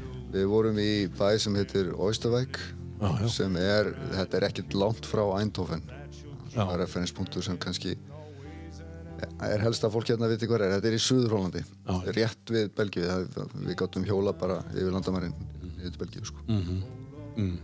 lítill bær, þetta er svona álíka fjölmennir og akkurir svona 20.000 manns Já, já cirka En allt öðru sér samt, ekki stórt spítali eða, þú veist, eh, hvernig er þetta hérna úti? Er allt svona, Allt, allt öruvísi, þetta er, já, já, og bara í rauninni, ef maður talar um eins og bæinn, skip, allt skipula er allt, allt öruvísi. Já. Það er hérna, uh, í rauninni er, er, það er allt skipulagt út frá því að, að maður geti farið alltaf á hjóli, maður geti farið í búðin á hjóli. Einmitt. Eh, það er öll þjónust af miklu nær manni og, og svona þetta er, þetta er svolítið öruvísi. já, já, á mörguleiti betra eða?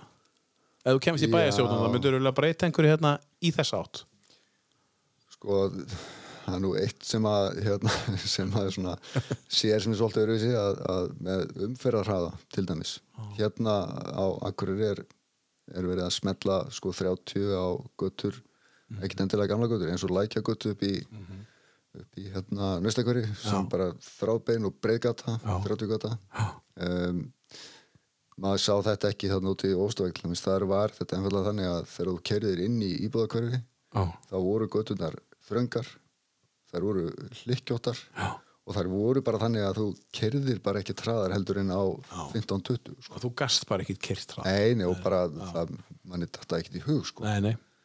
þannig að hérna, það var ekki verið í rauninni að reyna að, að stilla af umferðarraðan þar með skiltum heldur með því að Mm. með skipulæginu Mhm. það er svona svolítið ég sakna þess stundum Já, hvernig það er já, með Og- bara ímislegt hvað var að skipulagi. Já, já, og líka bara þetta að, að Holland náttúrulega er lítið og þjættbílt og maður er með allt nálægt sér. Það er allt mjög, já, þetta, er- þetta er meira svona samþjappað og, Já, já. og hérna, það var, mjög, okkur fannst það mjög þægilegt og skemmtilegt. Hvað voruð þið að gera þarna? Varst þú að vinna? Ég fyrir- var að vinna, já. Já. Eh, Þetta kom upp úr því að, eins og ég sagði áðan, þá var ég farin að vinna, svona 2001-2002 var ég farin að vinna mjög mikið niður í Hollandi. Já, og þetta endaði með því að, að ég var beðin um að flytja þannig erðir já, og við fórum e, bara í byrjun ást 2005 eins og, þessi. já. og það passaði nú eiginlega að bara fljótlega eftir að við vorum flutt til Hollands þá hætti ég að vinna að verkefnum í Hollandi og fór að vinna að verkefnum í Norri já. en hérna en við vorum samt þarna í, í teflega fjórar og Og- bara já, frábært Og þarna fæðist elsta stó- stó- dóttiðin. Nei, hún var uh, hún var fætt árum Hún var fór, fædd, hún já. var bara pínlítil, kom pínlítil, með já. okkur út sex mánada gömul Já, já. sex sömana en, en Emma hún fættist út í Hollandi Hún fættist út í Hollandi, já. Já, já. Tve, já, hún er tveimur árum eftir. hún er tveimur ára eftir En, en sko, uh, ef það hefði verið bara sama internet uh, tenging þá og var núna, hefður þá þurft að flytja? Eða var þetta bara því að þú þurftir að flytja út á einhverju öðru eða? Uh, uh, á þess sko tölvumyndir voru að reyna að byggja upp starfsemi út í Hollandi á Já, þess já. tíma Já, já. þannig að við vorum, allir við höfum ekki verið fjórir sem fórum þarna út og svo að ráði starfsfólk út í Hollandi Mhm. þannig að þetta var nú svona kannski meira hluti af því heldur en að maður hafi beinlinni stort að flytja sko. En, en hvað, hérna, af hverju Holland? Mástu það? Já, það það er svona kannski löng og flókin saga en, en það er eiginlega þannig að að uh, við vorum fattin að smíða uh, hugbúnað til að sjá um lif hérna á Akureyri Já. sem að tengdist í rauninni útbóði sem að var farið í fyrir mjög lungu síðan hjá, hjá ríkispítólunum og eh, á einhverjum tímapunkti ákvaðu tölumyndir að, að reyna að selja þann hugbúna erlendis og það voru gerðir út menn til að reyna að finna viðskiptatækifæri þeir komist í sambandi við uh, ítalskan aðila sem var að keira Evrópuverkefni með spítala í Hollandi Já. og það endar síðan með því að, að við förum að hitta þennan spítala út í Hollandi Já. 2000, það hefur verið svona, svona 2001 já og í rauninni bara til að selja en þá hugmynd að við myndum koma inn í þetta Europaverkefni og, og sjá um hugbúnað hluta af verkefni sem þeir voru að kera Eh, Það gekk bara vel Eh, þeir ákvaða að kippa okkur með og upp úr því fórum við svona að byggja upp í rauninni bara viðskipt og viðskiptasambönd í Hollandi Já. og hérna síðan á einhverjum tíambúti þá, þá ákveða tölumyndi semst að fara að byggja upp starfsemi þar -hmm. og í tengslu við það þá, þá fór ég þarna út Já. á samt nokkrum viðbútt Og var það alltaf spennandi að fara eða var það bara svona, "Ó, ég trú ekki að það er að fara eða var þetta bara, tökum fjölskyldan og gerum eitthvað og ertu svolítið svona svona, hvað maður að segja svona, þú erir að taka á skarið og Ég held að ég sé nú afskaplega svona áhættu fælin sko þannig Já, það er og, svoleiðis. og rólur tíðin sko en hérna en nein, ég menna samt bæði það að á síðan tíma fara út til Svíþjóðar og, og síðan þetta að fara til Lólands, þetta var bara mjög skemmtilegt sko það er þetta eitthvað sem að þurfti að við þurfum að hugsa þetta aðeins með pínlíti batn og Já, já.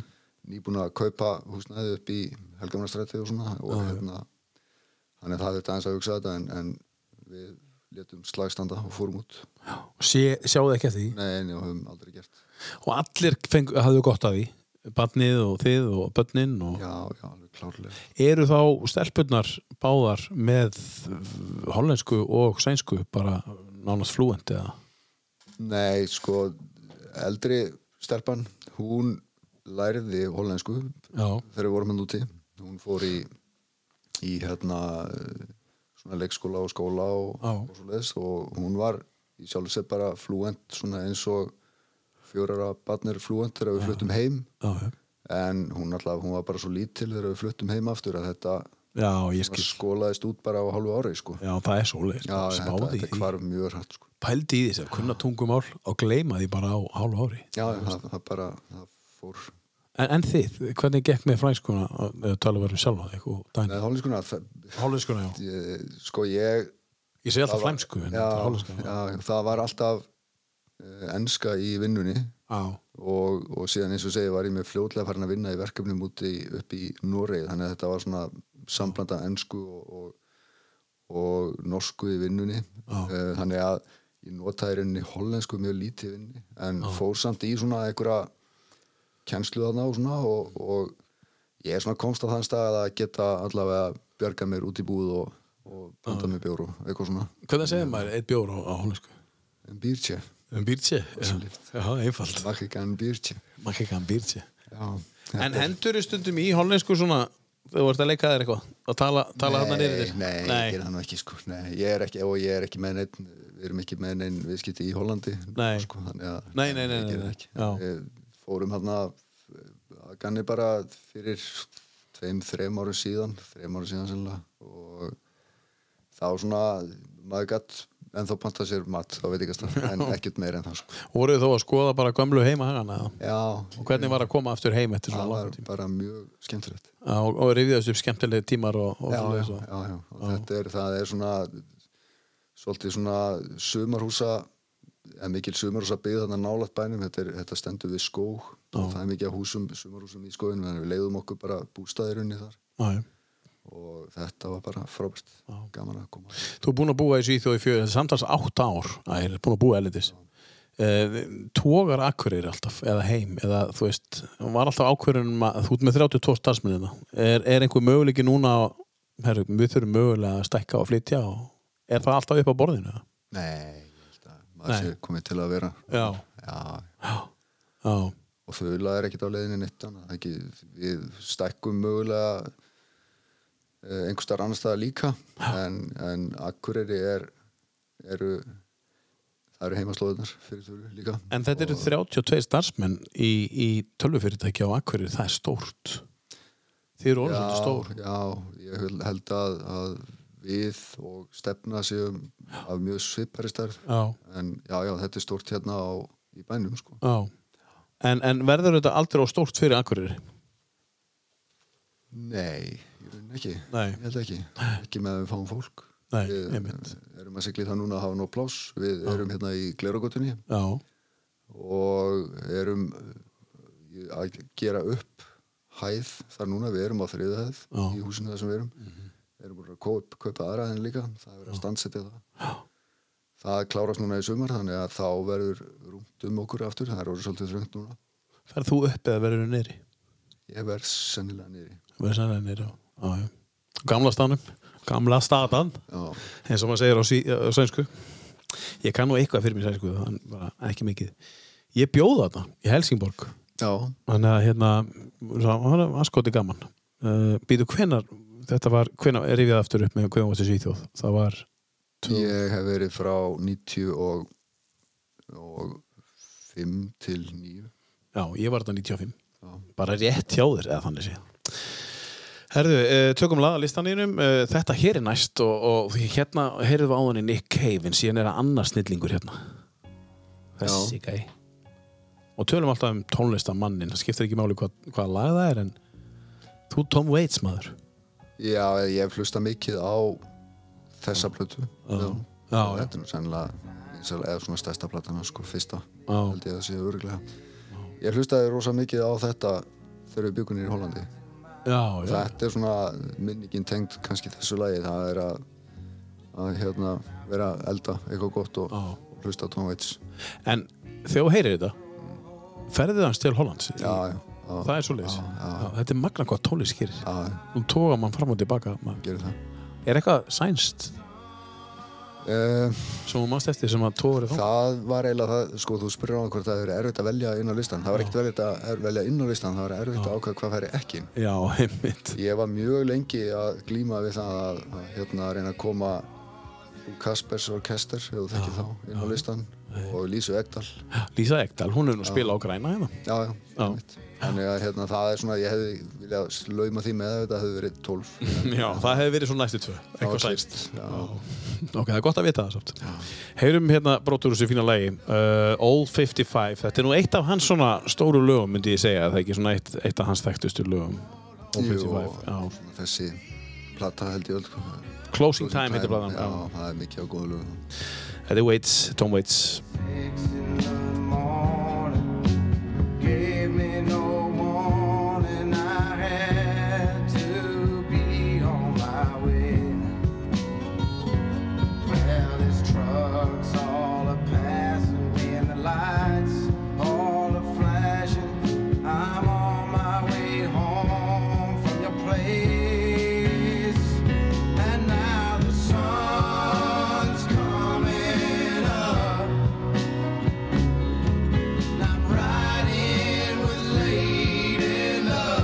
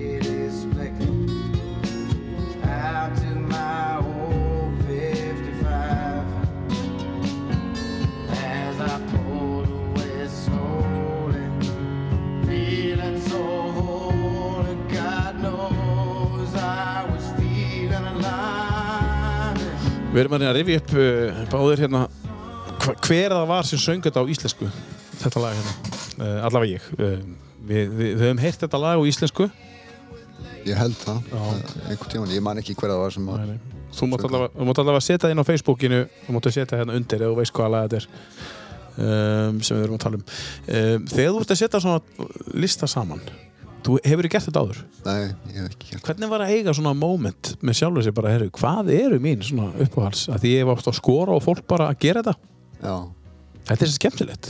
já, já þetta var mjög, var mjög gaman sko Já. og hérna, þetta hitti þannig á að við vorum út í Oslo Já. Uh, við vorum 11 manns frá fyrirtækinu, við vorum andan úti Já. bæði hérna frá Akureyri og, og frá Portugal og, og Svíþjóð Hvað voru að gera?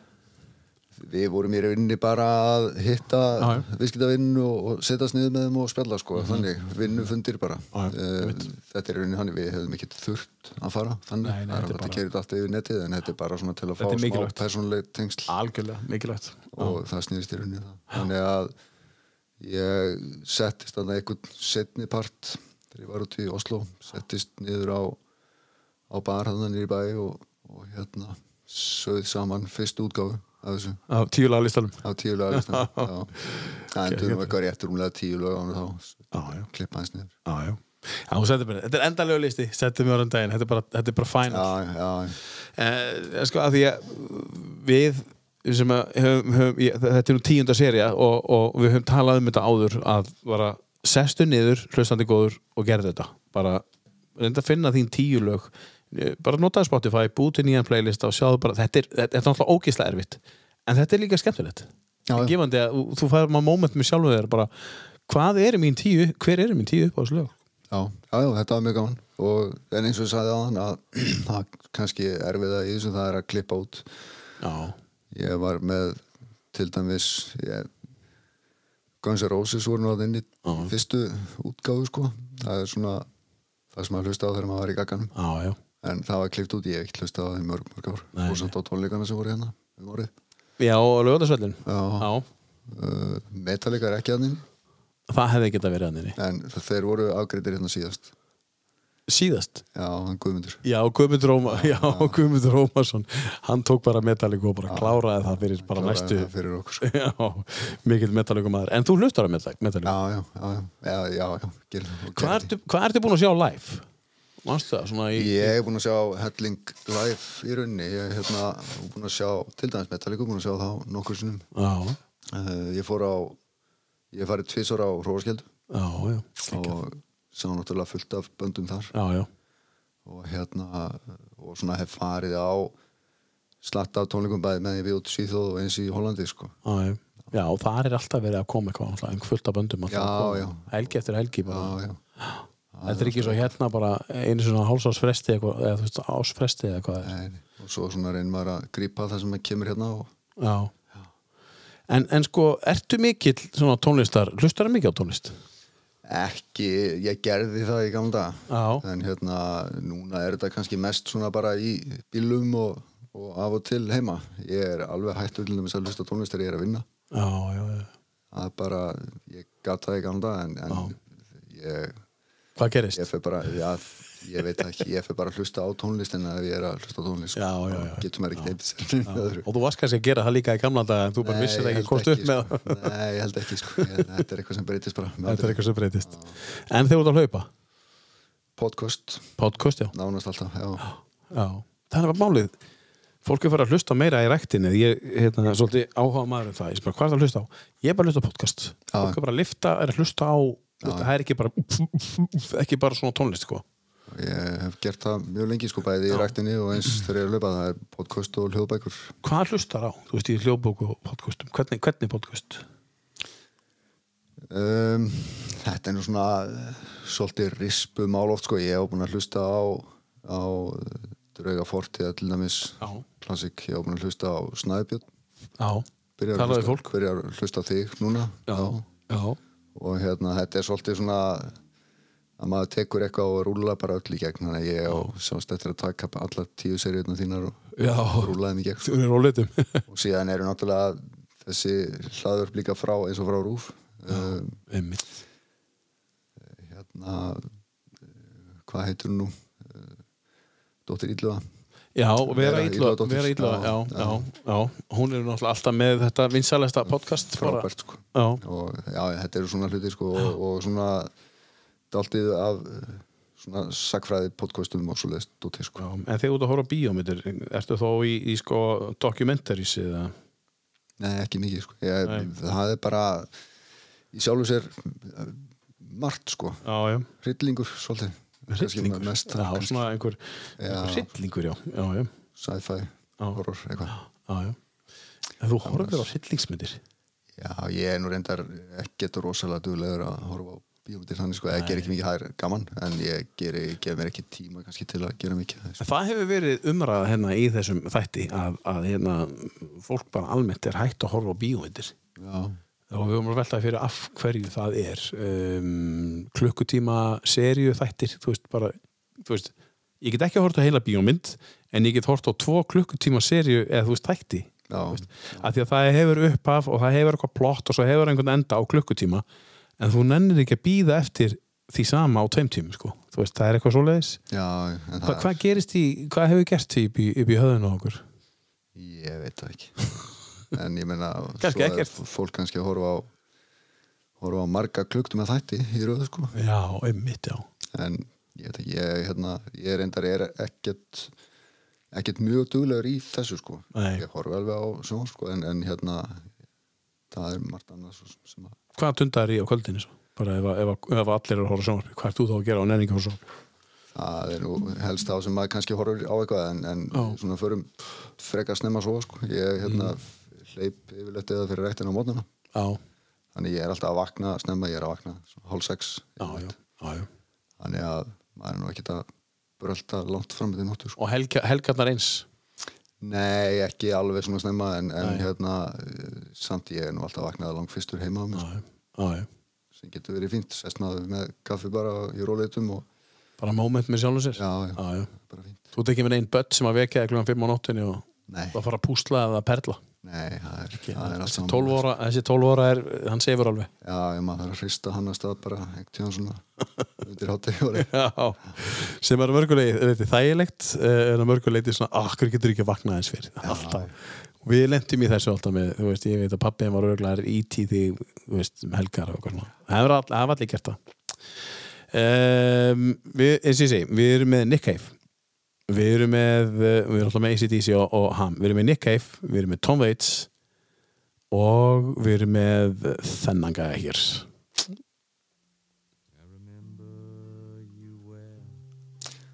Þetta er LC Robert Leonard Cohen hlustar á hann sko uh, sko líka svona non-commercial tónlistina bara sem að enginn þekkir þú hlustar á hann alveg bara allar plötunar svo. Já, já, við hérna, við Dani við hlustuðum rosalega mikið á Leonard Cohen fyrir okkurum árum síðan já, sko. já, og hérna hann, hann dettur nú alltaf inn en þetta er voða mikið svona best of eitthvað sem maður hlustar á alltaf sko. já, já, einmitt já. hér erum við með lag sem heitir Chelsea Hotel um, já, af einmitt plötunum The Best Of Já, Cohen, já. sem að þú ert að hlusta á uh, Leon, Leonard Cohen aðeins að eiga næstu misseri hér Yeah, but you got away, didn't you, babe? You just turned your back on the crowd. You got away, I never once heard you say, I need you. I don't need you. I need you. I don't need you. And all of that jiving around.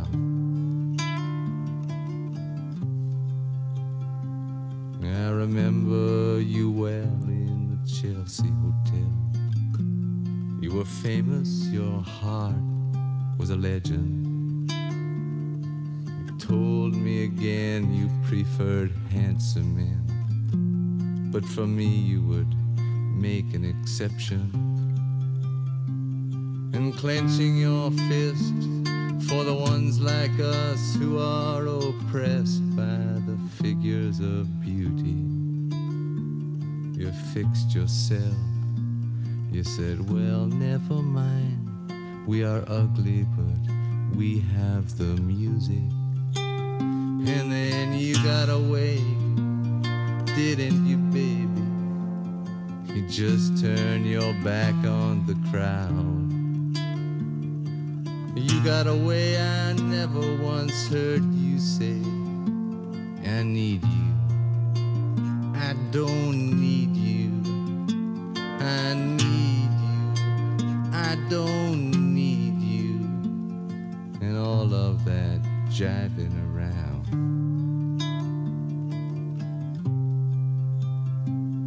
I don't mean to suggest that I loved you the best.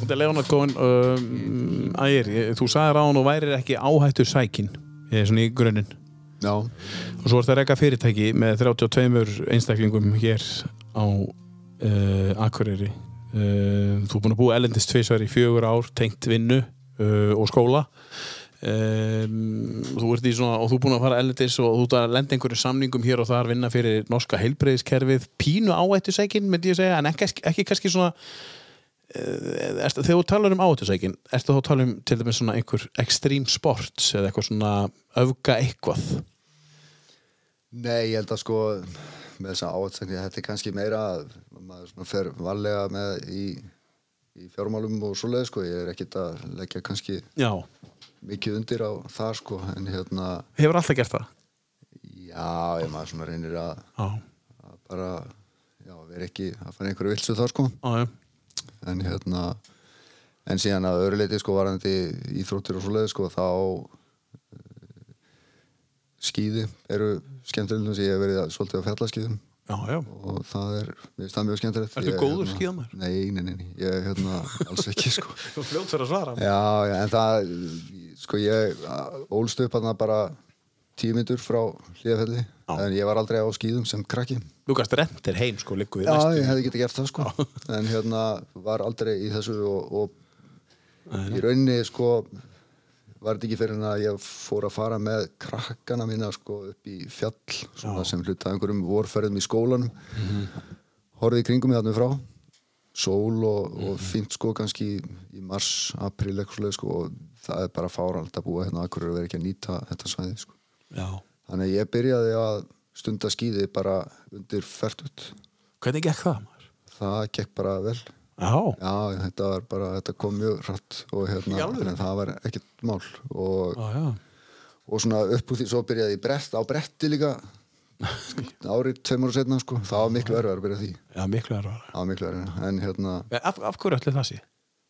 þetta er bara svo skrítin ballans einhvern veginn held ég sko, þetta er svona já, það var Komstu, bara- þú, ertu rétt, ertu rétt hendur eða? Já, já, Þannig að það var auðvöldar að fara í þess átt til vinstri en þegar þú ætlar að fara í hina áttina þá var eitthvað eitthvað sem gerist Já, Eða þetta gerist er ekki upp í svona- hausnum á eða þér. gerist ekki sko, þetta er svona en ég segi það var miklu öðru að byrja á skíðunum heldur á brettinu sko Já, já, ég, ég- ég, ég er nú aldrei, aldrei slasað mig á skíðunum ég hef rótað mig á brettinu einu sinni.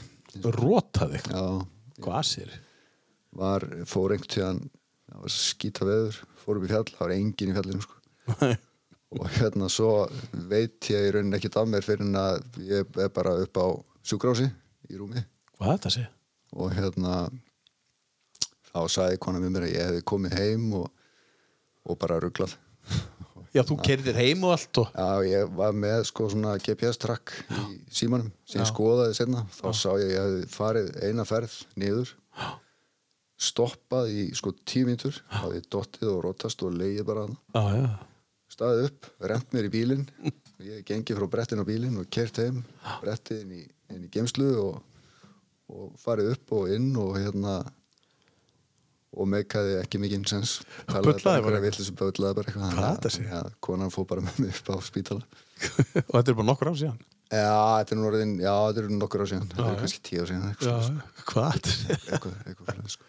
Og mannst eitthvað eftir því, þú veist ekkert hvernig það gerist Nei, ég man eftir að ég raunin að hafa bara farið upp í fjall og ég man eftir að hafa byrjað að ég man hvernig veðri var og svona, sko Já, mannst ekkert eftir að vera að fara að þetta Nei, nei, Nei, nei, Ekki eftir því, sko Já, þú bara slein, Aldrei eftir því. útslegin sko. Já, já, svo man ég bara eftir að hafa vaknað upp á spítala, sko Já, Eða svona ekki vaknað, ég er bara svona átta mig, sko þú, þú hefur rótast, það er pínu kúl sko Já, ég hef rótast á bretti það er svona, svona góð svona, hérna, svona íþróttameðist Já, ég held að, já, ég held að sé nú ekkit sérstaklega holdt sko sko. Nei, þetta er ekki holdt sko Nei, Við mælum ekki með því að sjálfsögðu en, eh, en, en aðrar íþróttir eh, eins og til dæmis eh, er- Ertu útivistamaður? Já, svona eftir að eftir að ég varð eldi, ég varð ekki þegar ég var yngri Nei. en hérna, ég er svona orðin það núna og kannski svona ég held að það hafi gerst kannski bara upp úr sko 35 ára í rauninni sko.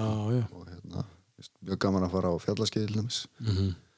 gerði reynda mjög lítið af því ég vetur, Já, bara leðilegar anstæður en já, það er fótt skemmtilegni það, til dæmis að fara sérstaklega svona á vorin þegar það er orðið gott veður og sól og já þegar maður fyrir ekki að labbað upp bara á stöppusum og ból og, og skýðað Það er svoleiðis já, ég hef gengið hérna allins bara á kaldbakkin sko Já, í kringum 17. júni og skýða niður bara í dillandi sól og, og fínir í sko. hvað er þessi? já, Með hjálm, já, já sjálfsögðu alltaf með hjálm já, já, sjálfsögðu, Já, já. Ég er alltaf með það og hef alltaf verið því, ég var með hjálm þegar ég rotaði mig líka sko. Já, já, þú- já ég veit Já, það, já, já, sjálfsög En segðu mér annað, álægi vinnunni mikið, þú veist, mikið um að vera samningar hér og þar og svona mikið að tala elendir svona álag þegar álag kemur að þig stundar einhvers konar núvitun, hvað gerur þegar þú finnur að það er mikið álag, ég veit þú hleypur og svona, notarðu hreyfingu til þess að losa álag eða notarðu einhvers konar annað þú veist, notarðu einhvers konar núvitund eða jóka eða ert í einhverju svoleiðis Nei, það er í rauninni helst bara eh, að fara að lifta eða að fara út að hlaupa sko, það er bara frábært en ég er hins vegar svona einhvern veginn þannig gerður að ég á tiltölu auðvelt með að skilja svona hluti eftir í vinnunni sko Já, ok, ekki ég er ekkert mikið að velta mér upp úr hlutunum allan sólarhengin þó þú sért í þessari ábyrra stöðu og með þetta fyrirtæki, skiptar einhver máli Nei, þú liggur ekki í e-mailum fram eftir kvöldi og ekki fram til kvöldi, það er oft kannski um helgar sem að maður tekur einhverja rispu ég er einnig vild að gera helst ekki neitt eða semst að vinna ekki neitt á lögutum já, tek þá alveg frá en svo kannski tekur maður eitthvað svona uppsópa á sundum sko, já, já, aðeins en hérna en svo þegar ég legg það frá mér þá bara legg ég það frá mér sko, þá er ég ekkert að pæla mikið í því sko. þú gætur unni allan sólaringin svona miða við hvernig fyrirtæki gengur er þetta, gætur unni allan sólaringin ég er svona verkefnilega að segja sko, Já. Ég- það eru verkefni sem að myndi Já. endast allan sólurinn allan sólaringin, en svona já, já. sem einstaklingur held ég að maður gera það ekki lengi sko. En, en er þetta svona meðvitu ákvörðun sem út að taka út af því að eitthvað gerðist eða bara af því að ég vil ekki að það gerist? Er þetta Nei, nei, þetta fyrirbyggjandi? er bara, því ég bara er svona Þú ert bara svona, það hefur alltaf verið. já, Sko. Það er mm, kostur. Já, já. ég, hérna já. Já, og lætur, en, en færðu mikið álag, kemur mikið álag eða ertu svona fyrir eitthvað afslappaður einstaklingur? ég er nú frekar afslappaður sko. Já, já. uh, Chillaður. það getur alveg verið mikið að gera Já, já. og hérna þurft að svona kannski setja svolítið tíma í vinnuna en, en hérna Mhm. ég er nú svona frekar rólegu sko Já, já. Já, já. Og það- maður er allavega að skinja það, þú ert svona frekar afslappaður einstaklingur sko, og þetta, það er bara svoleiðis. Um, við skulum henda í annar lag um, við erum með, eins og ég segi ástæðan fyrir ég alltaf að nefna þessa, þessa gæja sem við erum búin að vera með þarna, því það er einhver tenging annað sko, þú veist, þetta er Nick Cave Tom Waits, Leonard Cohen og síðan þessi tveir dútar hérna saman Já, þetta eru tveir sem að urða að fá að koma með og náða að slá hann að tverflugur í einu höggi. Já, ef þeir hefðu ekki verið í duett þá hefður þeir verið með sikkvall Já, Já, alveg klálega sko. það er svo leiðis Já, En alveg klálega. þú velur líka þetta flotta lag Girl from the North Country Þetta er nú svona tektur slagari Frábært lag. Ertu búin að sjá kassmyndina? Nei, já, já, ég sá hana. Já En, en, en sækjustu eftir þannig bíómyndum? Þú veist, nei, að- ekki sérstaklega sko. Nei. En ég horfði á hana. Þú horfir á hana, Hún er Fín. já. Sýkala góð Já, Mæli með henni um, Já uh, girl, uh, girl from the North Country Já, Bara stelpa frá, stelpa frá Norrlandi Þetta getur verið bara Dæni það getur verið. Já, Já, frá Greinvík já ég var ekki múin að pæla í því, það, það getur verið. Hlustum að það that her hair's hanging down. It curls and falls all down her breast. See for me that her hair's hanging down. That's the way I remember her best. If you go when the snowflakes fall, when the rivers freeze and summer ends, please see for me if she's wearing a coat so warm to keep her from the howling wind. If you're traveling in the North Country Fair,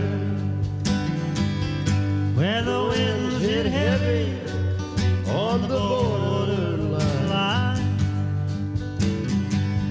please say hello to the one who lives there.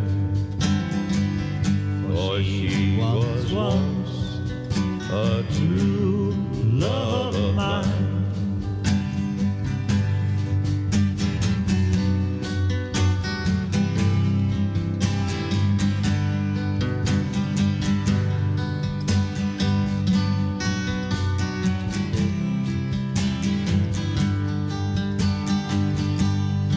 If you're traveling in the North Country Fair,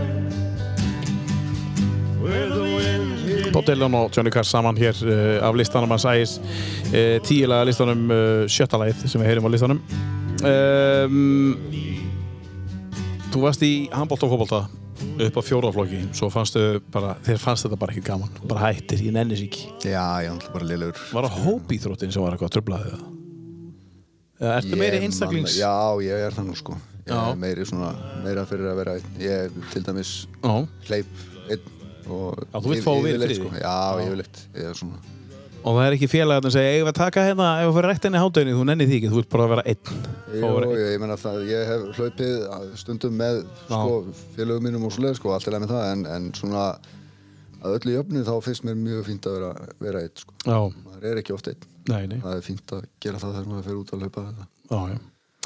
Uh, íþróttin kemur til þín svona eins og þú segir á eldri árin, þú ert ekki eldri en þetta sem, sem, sem þú ert, en, en sko hún kemur til þín aðeins setna en þú, þú tekur þetta pásu í einhver tíma um, gæin sem að var frá pásunni þangað til að fyrir að sunda líka satt aftur eins og til dæmis bara ræktin eða skýði eða, eða út að hlaupa Eh, mm er, þetta, er þetta sami gæin eða fannstu mikinn mun á því þú varst farin að hreyfa þig eh, hrey, gerði þetta eitthvað, þú veist, fyrir hausin á þér Ég- þetta gerur auðvitað alltaf eitthvað líkanlega fyrir mann en er eitthvað sem að Já, sko, ég var svo sem yfirleitt alltaf að hreyfa með eitthvað Já, inni Mhm.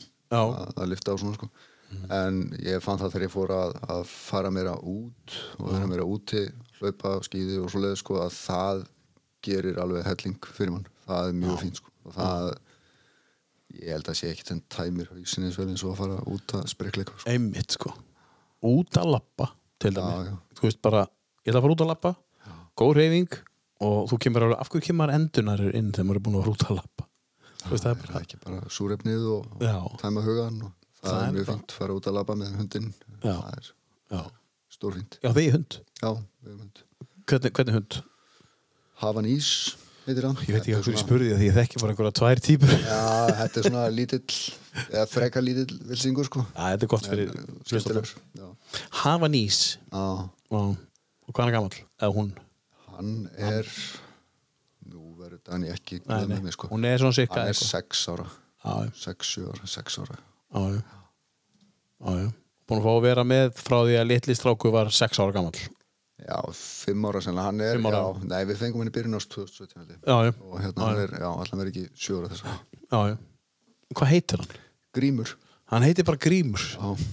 bara svo leis hann hérna eh, var svona með svarta, hann er ljós á litinn, hann var með svona svarta skellu í andlitinu þegar hann var lítill, þannig að ræktandinn skýrði hann grím, Já. það var eins og hann verið með grímu í andlitinu já, skemmtilegt og okkur fannst það bara flott og hann fikk bara að halda því já, auðvitað já. Um, fær hann að fara með út að hlaupa eða fær, fær bara verið friði bara ég hef farið tvisa með hann út að laupa já, og hérna hann er nú, hann vill svolítið mikið fá að vera að stoppa og, og þefa og pissa og eitthvað svona og, ámitt það vilt þú ekki Nei, nei ég, hann, er, hann er nú ekki mikið í því sko.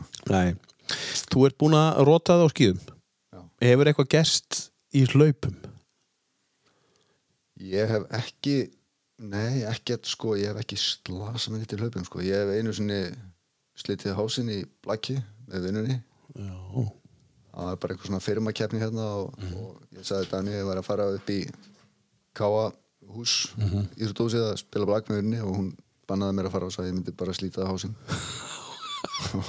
svo náttúrulega var bara í leiknum og tvö þá Sleist á hásinn? sleiti á sinn og skuttlaði upp á spítala en hérna, það, ég kom nú vel út af því það var svona, ef maður ætlar að meða sig eitthvað þá var þetta svo smá getis meðsli til að taka sko Þú ætlar að hoppa jafn hátt og þú gerðir Ég en var ekki síðan einu sinni þarfst að hoppa, lenda sko. sko. Já, en ég þú var varst ekki eins og að að hoppa, hoppa nei, ég var að beigja mig niður sko og þú varst að beigja þig niður og bara taka flegin já, og þá bara og, klikk að, já, ég held að hefði einhver sparkaði löpina mig sko Hvað segir þið? og hérna En þetta, þetta er, ég held þetta sé óað mismunandi hvernig fólk upplifir þetta sko, ég, það var engin verkur með þessu, þetta var bara eins og ég hefði, já, verið svona sparkaði þessi löpina mér og ég fór upp á spítala og, og hérna fekk spelku mm. og var í henni í einhverja vikur og það var í sjálf sér ekkert meira gert sko, búið. þetta bara greri og, og, Og gerðið vel já, og ég hafði vitað að slíta það vinstri löpina þannig að ég gett kyrt áfram Já, já, já, já. þannig að þetta var nú ekki ekkit stórkostlega mikið þessum sko. Nei.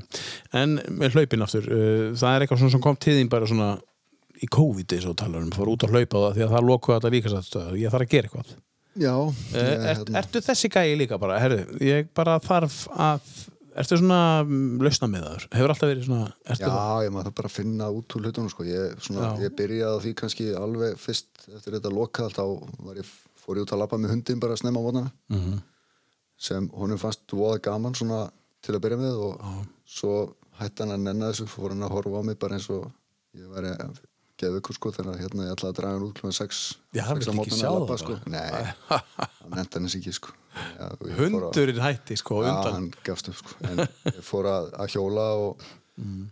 eins og ég sagði á hann og, og síðan að hlaupa þegar það fór að vera leiðild út af myrkri og hálku að, Já, já. að hjóla og hérna síðan er svona ég þarf í þessum í þessar reyfingu þá ég þarf eiginlega að hafa eitthvað svona struktúr Já, bara til að hafa eitthvað aðhald svona fyrir sjálfan sig til að mæta og, og, og gera eitthvað ég, þegar ég hef verið að lifta þá ég er alltaf með eitthvað svona eitthvað prógram skilur já, já. einst þegar ég fór að hlaupa þá svona fannst mér ég þurfa eitthvað eitthvað, eitthvað drama já, já. þannig að ég ákvaða að fara laugavegin, hlaupa hann En bara frá, Stuttur. hvenær byrjar að hlaupa? ég byrja að hlaupa sennilega svona í oktober, november Já, alveg ári næstu því ári fyrr, tíu mánuðum fyrr. já og síðan ákveði ég svona í kannski desember að taka laugavegin, hann er í júli Já, já, hann er júli, já. Og hérna, þannig að þá í rauninni byrjaði ég að æfa fyrir það svona í janúar Já. þetta er, ég tók sex mánuði í rauninni að æfa bara fyrir það sko Og hvernig gekk það? Það bara gekk vel, æfingarnar allavega. Fannst Gekk þér, bara mjög vel. fannst þér að skipta miklu máli eftir þú tókst sko, frá september fram í desember uh, þegar þú byrjar að hlaupa um, og eftir þú tókst ákvörðunum að fara að hlaupa laugavegin fórstu þá í allt öðrisi ákæða æðingakerfi eða breytist Já, eitthvað bara með því að setja þér þetta markmið Já, bara meiri struktúr. meiri stútur Já, já, meiri struktúr og, og svona alltaf lengri hlaup, sko. Hva, Og- hvað er þetta langt? uh, Laugavegurinn er, það eru ykkur 55, eitthvað svoleiðis. Að þetta eru 55 já, km 55 km. Já. Cirka. Þannig að hérna, já, það er kannski helst að þetta svona verður, maður svona fer að vera aðeins markvissari og, og meiri struktúr í kringu það sem maður er að gera, sko. Maður Hvað er varstu ekki- búin, hvað varstu búin að hlaupa langt lengst áður en þú fórst laugavegin? Rúmlega 50 km. Já. Í undirbúningum, sko. Þú varst búin að hlaupa 50 Já, ég gerði það tveim vikum áður en ég fór lögum. Býtu, býtu, býtu Þú hljóst 50 km Já, áður um fórst laugavegin já, sem sagt uh, tveim viku setna hljóstu 50, 55 km já. Og þetta, hérna, ah, já. ég fekk nú spurningu frá svona einhverjum sem að vita meira hlaupeldur ég, sko, hvort að ég hefði gett að taka taka þér rólega þrjár vikur fyrir eða eitthvað svolítið, sko, en þetta er raunni bara þetta program sem ég fór í gegnum, það gerði ráð fyrir tveim vikum að taka þér mjög rólega, sko og ég tók uh, svona langt laupi á tveim vikum fyrir, 50 km tveim viku fyrir og svo 55 tveim vikum eftir já, þannig að þú tókst 105 km á tveim vikum á þessum tveim, já já, fyrir utan það sem gerist Já, þarna á milli. fyrir utan eitthvað svona á milli, sko hérna, en síðan í fyrra sumar Mhm. þá tók ég laugaðinn aftur Já, og fór svo súlur vertikal sem sagt lengstu leiðina sem var þá já. akkurat tveim viku setna líka Og það eru 55.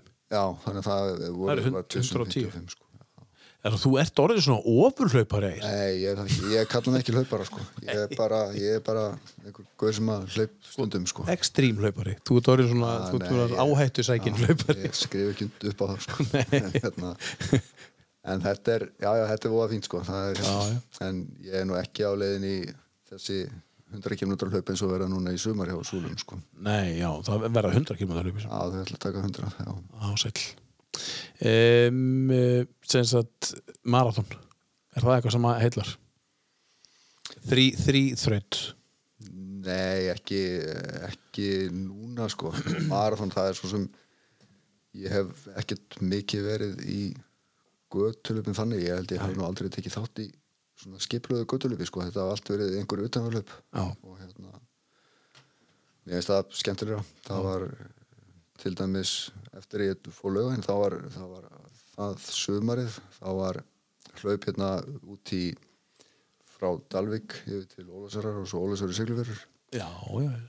North Ultra ég fór sem sagt frá Siglufjörður, nei frá Ólasari til Siglufjörður þá sem eru 25 Já, já. eitthvað leis Yfir fjallið. yfirfjalli Já, það var mjög gaman já. og hérna, Skemmtilega leið. já það var, það var mjög gaman Frábært, pældi í- sem við eigum hérna á, á landinu. Endalust á einhverju hlaupalegum. Tröllaskaðin alltaf frábær sko. Tröllaskæðin, já. já.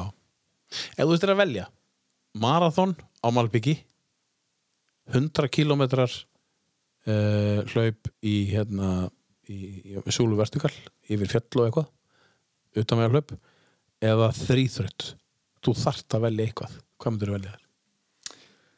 Ég held að ég myndi nú bara taka marathóni sko en, Já, en mér myndi á nú- malbiknum. Já, en mér myndi nú langa kannski frekar til að taka sko 100 km uppið Já, En ég held að ég myndi ekki nenni að þrýðrutinni sko Það er svona, það er reyðhjól en erstu sundmaður eða? nei, ég það ekki Nei, En við veist, líka með sko hjólið, það er fínt að fara á hjóla kannski í smástund sko ég, En eins og ég sem Ironman keppnum sko, ég nenni ekki að sitja á reyðhjóli í fleiri klukktíma sko Nei. Mér veist það voða tilbreytingalust eitthvað ertu á reyser þegar þú hjólar eða ertu á svona fjallahjóli þegar þú- Ég á svona cyclocross hjól sem Já, er cyclocross, já. bara svipað á reyserinn með grófari dekkjum og svo kefti ég mér Ramax fjallahjól líka fyrir Já, tveim, þreim ára síðan Já, já. og það er náttúrulega frábært sko, og eins og hjóla hérna fyrir ofan bæinn já, fara upp í fólkafell yfir í gamla og Já. niður brautina þar og svona það er bara, þetta er alveg frábært sko Já, þannig að við erum að tala um að, að þú vilt eh, vera í, í svolítið í útivistinni eh,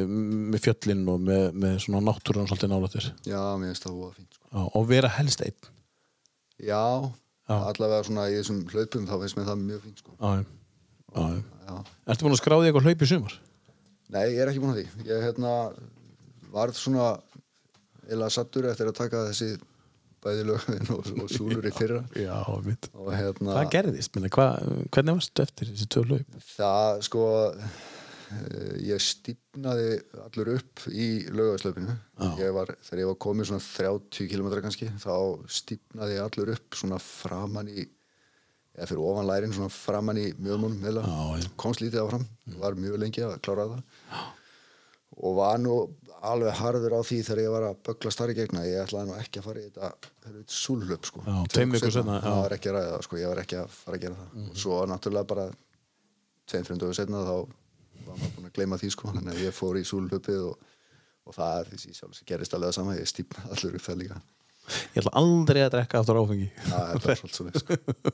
Þeim vil aldrei smakka bjóra þess en, þetta var, en það var mjög gaman og það er svona í rauninni þetta súlhlöp sko þó að ég hafi verið lengur af því það var náttúrulega það var vond viður þarna þannig að það var ekki hægt að fara venjulega leið sem Nei. það hafa farið það var farið tvisar upp á súlur í staðin Já, já, já, já. og hérna þannig að þetta var þetta voru allt saman leiðir sem að maður þekkir vel ég hef hlaupið allt saman áður sko þannig að Já, Mm. já. maður svona viss alltaf hvað var eftir og, og, og þannig sko þannig að Mhm. þetta var að mörg litið öldra heldur en lögun sko en Já, þó ég hafi verið lengur sko já, já. en ég var, ég var fjóri stífur eftir Já, ég trúi því og svo lengi að náður eftir, eftir hérna eftir hérna, hérna súlur Það voru svona einhverjir dag, ekkert mjög lengi, það voru nokkri dag. Það var stíin heima var erfiður í, Já, í nokkra dag, tvoðra dag eftir. þessna seldur Nei, það var í nýja húsinu, sko. Það var einn í húsin, já, ok, já, ok um, Næsta lag um, Ég ætla að spyrja á það eftir hvað það fyrir gaman að gera uh, Þú veist, fyrir utan þetta fyrir svona áhuga mál og svo laus kannski er þetta áhuga málin, en um, þessi hérna gæi Já, uh, ég sagði hann sko, ég var að velja kannski listamenn meira sko Mhm. og, og þetta er nú eiginlega Smiths lagið sko, þótt að sé ekki með Smiths, þetta Já, er ég Morrissey, skil. en, en þetta er eiginlega Smiths, sem- að þetta er náttúrulega er frábært lag. Um, þarna svona það maður kannski aðeins að skilja f- að mannin og listina, Já, hann hefur setni tíð allavega verið með mjög skrýtna skoðanir ofta Morrissey en, já en frábært tónlist. voru ekki smiss á Íslandi bara fyrir nokkur vikur síðan Nei, er, Ertu viss? Nei, en, nei, ég er ekki viss en nei, það held ég ekki. Nei. Það er- Þetta er aðeins nýlátin. Já, einmitt Já, það er- kannski ég er að fara uh, hérna hljómsveitarvilt það er þannig. Viskó voru hérna fyrir ekki löngu síðan. Já, já Já, það getur verið það Herru, heyrum í Morrissey uh, Every day is like Sunday Þetta er Smiths lag Já, fyrir, Já, fyrir. Sko, þetta er svona fílingurinn er sá, sko. já. Þetta er ekki, þetta er ekki Smiths, en, en, en fílingurinn er Smiths. og fyrir ykkur sem ekki vita þá var Morrissey í Smiths Já, og, og, og solo, solo, solo gæin heiti Morrissey Heyrum þetta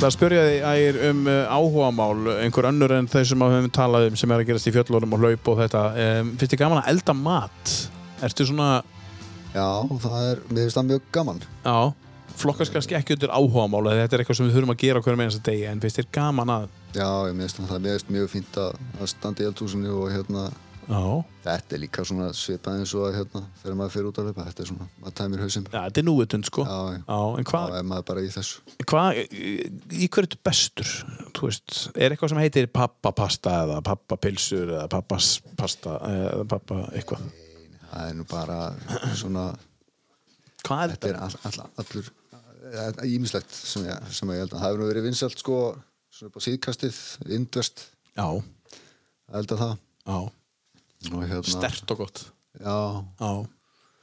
Korma og, og tikka masala. mið, miðbarnið sérstaklega hún er mjög hrifin af því sko Já, já. butter chicken Butter chicken maður. Ó, það- kjúk, ó, það er sí- svakalega Já, gott. Einfalt. já, já, þetta er, þetta er ekkert mál sko Þetta er svaka einfalt já, þetta er og gott. opaslega gott sko. Já, já. En, en svona helgarnar, þú sagðist við erum alltaf í fríum helgar. Eh, Þú vaknar alltaf fyrstur. Eh, Er, er, er eitthvað svona eitthvað, eitthvað heilagt sem gerist á laugadegi þegar þú vaknar fyrstur? Nei, ég fer tól- já. yfirleitt að hlaupa á lögðarsmóðum Já, já. núna á lögðan var þá reyndar byrjaði ég á að fara í golf Já, þú spila golfíða. klukkan 7 og hérna fór svo að hlaupa bara þegar það var búið Já. og hérna síðan er þetta nú bara að að reyna að gera eitthvað með fjölskyldunni kannski já, já, fótbolti náttúrulega ef að, ef að það sísón er að, að, einhver fótbolta sko já, já. Hvar ertu þar? það er Í enska. náttúrulega káa hérna á Íslandi sko en, en Manchester United í enska Þú ert næst- já, já, já, já. þannig að þetta er búið að vera búið að vera þungt núna í nokkur ára en þetta er alltaf upplið held ég Við tókum sætið okkar núna, púlarana Við, við, við hefðum getað gert betur Liverpool stóðu sem mjög vel á endarsprettinum og triðu Európsæti samt Já, já, já, já, voru fínir En áttu þér eitthvað nú, lið í Nóri? nei, ég- nei, nei Verður ekki að eiga lið í Nóri? Ég mæli með Volerenga já, ætli það erið ekki sko ætli það erið ekki helst bara Rosenborg sko Það er Svona, Rósborg já, já, það er það er svona maður sem að ég hef unnið með mjög lengi Mm. og mjög mikið og bara er ágættis vinnu minn, hann er mikill Rosenborgamaður, hann er allir, Já, já. allir að vera ekki bara Þeir Rosenborg eru líka fyrir hann, sko. stæstir En ertu ágættur í norskunni? Ég glemd að spyrja það því áðan Einbyttir Já, bara já, ég er náttúrulega sko, ég tala náttúrulega norsku eða tala við normenn á norsku þá svona hálfan og heilan daginn þetta eru alltaf allavega fjórir klukktímar á dag og upp í kannski átta eða pluss sko Bara Þannig að- það sem út að tala við normin Já, já, þannig að ég er náttúrulega að fá í æfinguna en eins og ég sagði, sko, þetta er ég segist nú aldrei tala norsku, ég tala einhverju svona skandinavisku, þetta er einhver, einhver bræðingur, en hérna En þeir skilja þig Já, já, það náttúrulega eru svo mikla mállýskur í Noregi að hérna, normin eru mjög flinkir að skilja fólk Já. sem reynir að eitthvað að- að tjá sig sko. Já, já, já, en það, jú, jú, það gengur bara mjög vel og ég tala bara norsku þegar ég er út í Noregi sko. já, já, já það er svoleiðis Já, já, Já, já. Setur á því bakbókan og bara ég er orðin normin í einu vik bakpóki og gunguskíði og Já, gönguskíðu og það er bara svo leiðis Hefur þið farið á gönguskíði í Norri? Nei, ég hef aldrei farið á skíði í Noregi Nei, nei. En ferðu á gönguskíði? Uh, já, svona sko ég ágöngu skíði, ég kefti mér svona utanbreytar skíði með kanti, stálkanti Já, já fór aldrei í vetur, Nei, ljótt að segja frá því en ég fór bísnátti fyrir eftir já, fór í svona gunguskeiða hóp með ferðarfélaginu í fyrir eftir Já, já, já. það er svona dróman út sko já og svona eh, k- kendar undirstöður eh, er já, það ekki? já, og svona farnar einhverjar stuttaferði sko Já, já. og hérna þannig að það var, það var mjög fínt en, en fór aldrei í vetur Nei, Ég heyri svolítið að þú ert svolítið ofurseldur sko náttúrinni Það er svolítið svona já, Það er þitt bara. og- já, já, mér, það er voða fínt sko eins og segja að fara út og, og reyna, reyna að hreyfa sig eitthvað Kem, Kemur ekki til greina að flytja þá í, í þessa fallegu náttúri í Núri? Ég get alveg hugsað mér að búa í Noregi sko, en ég held að ég sé bara lendur á Akureyri núna sko. já, Ég held ég sé ekki á leiðinni á Nei. Akureyri. nei, nei, nei Búa bæði börniðin hér, þessi, þessi elsta líka Já, þau eru hérna öll þrjú, þannig að þessi tvö yngri og svo elsta, hún var út í Danmörku Já, já. núna eh, síðasta vetur, hálfan veturinn Já, uh, er búin að vera síðan heima eftir jól Já. að vinna og samla sér penning og, og er heima núna en, en ætlar að fara til Danmörkur aftur næsta vetur og verður allan veturinn þá í Danmörku já, já Já, mér er mikið, mikið af ungu fólki að fara til Danmarkur Já, já, hún er að fara að læra dans í, í Kaupunar Já, geggja maður, frábært það verður ævintýri Já, heldur betur og Ungt fólk sem bara hlusta, drífið ykkur út uh, og, og það hafa allir mjög gott að því að fara til útlanda sko. ég hérna, já, sé ekki eftir því að hafa drifið mig til útlanda í rauninni eftir mennskóla Nei, það er bara um að gera og hérna horfið svolítið á það þannig sko fyrir fólk eins og sem er hérna á Akureyri það er ekkert meira vesen að fara til útlanda heldur en að fara til Reykjavíkur sko. Nei, Já, sko. nei, nei, nei Bara annað tungumál og Oh, that's já, já, it. það er það er rettast allt sko. En, en, en, en svo- stundum svolítið aðeins öðru sem menning og það er bara jákvætt sko já, fólk hefur bara gott að því Já, fólk er bara rosalega gott að því og við mælum með því, ég heyri það, þú ert líka, þú ert líka þar um, Næsta lag uh, sem við ætlum að taka er þetta og þetta náttúrulega er klassíkar eða klassíkar Það er bara snild sko. á, Prest já, Overpop. Radiohead, þeir þurfti að komast á listan ég var með Paranoid Android þarna í á, fyrsta, fyrsta útgáfi en skiptið út fyrir þetta þetta er, á velgert, ég, ég er meira þarna sko já, á, og þessi plata náttúrulega er bara The Bands, þetta er frábær plata á Uh, þeir gáfu út bara tvær er, er, kemur ekki kjölfara á Pablo Honi er, er, þú veist, tvær bara ofurplötur þú veist, sem er ekki hægt að velja á milli Af því að flest svo OK Computer þar á eftir sko. og OK Computer líka hjá Pablo Honey, The Kom á Bends eftir The Bands já. eh, þú veist, um, þú veist hljósið þær eigu oft bara eina svona, þú veist, bara svona A-game plötu sko geggjaða blöður Þannig kom bara þrjár í röð Herru, lustum á þetta frábæra lag eh, með eh, Radiohead Fake Plastic Trees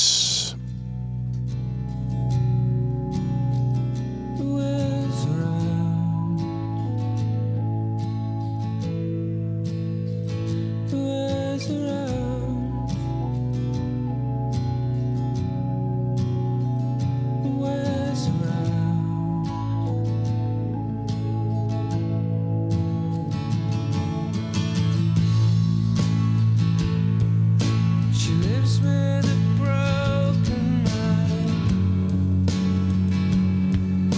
a cracked polystyrene mind who just crumbles and burns.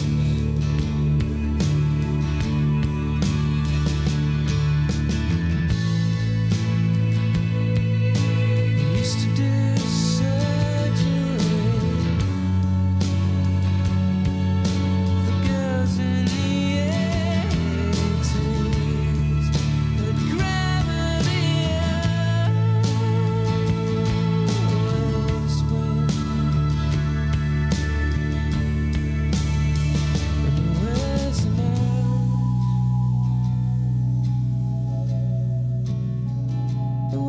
Amount. The words amount.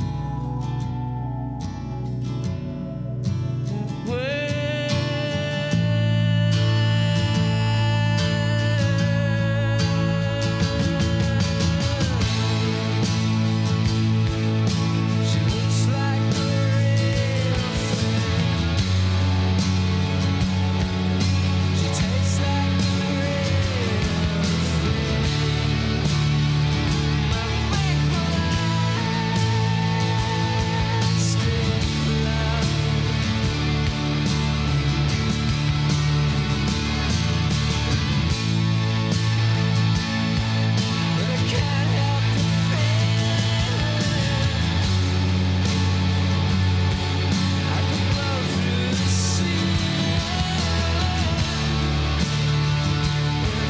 Just Ertu búinn að sjá Radiohead? uh, nei, ekki Radiohead Nei, þú átt á eftir já þá á eftir Já. já, Talar um áðan, þú hefði séð sko met Metallicu uh, já. og svo varstu búinn að sjá á Róaskildu, varstu búinn að sjá hverju voru þar aftur? Uh, ég fór tvisar Þú fórst tvisvar, já. 99 og svo Já. 2000 og Já. hérna Þú varst, alltaf fullt, fullt af böndum hérna og sá mikið af böndum býttu, varstu þarna 2000? Eða semst í kringum aldamóndin? já, Varst þú á Pearl Jam tónleikunum? eða? já ég sá Já. og var á þeim tónleikum þessum frægum pöldjum tónleikum Já, það sem að sem sagt, það sem gerist þar er hvað, Ég meina, þú veist bara fyrir Það- þá sem ekki vita já, það hérna þetta eru náttúrulega risastóri tónleikar þeir eru að spila á stærsta sviðinu á Hróskjöldu Já, og það eru einhvers konar svona öryggis hlið eða grindur sem að eru nálægt sviðinu sem eiga að sjá til þess að svona stýra tróningi að einhverju leiti og stýra sko mannfjöldanum en það gerist eitthvað þarna á þessum tónleikum þannig að það verður svakalegu tróningur og þrýstingur og það dóu ég man ekki hvað það voru margir sko ég held að hafi verið í kringum eða upp undir tíu manns eða Já, einhverstaðar þar í einmitt. kring sko sem að, sem að dóu að þessum tónleikum Já.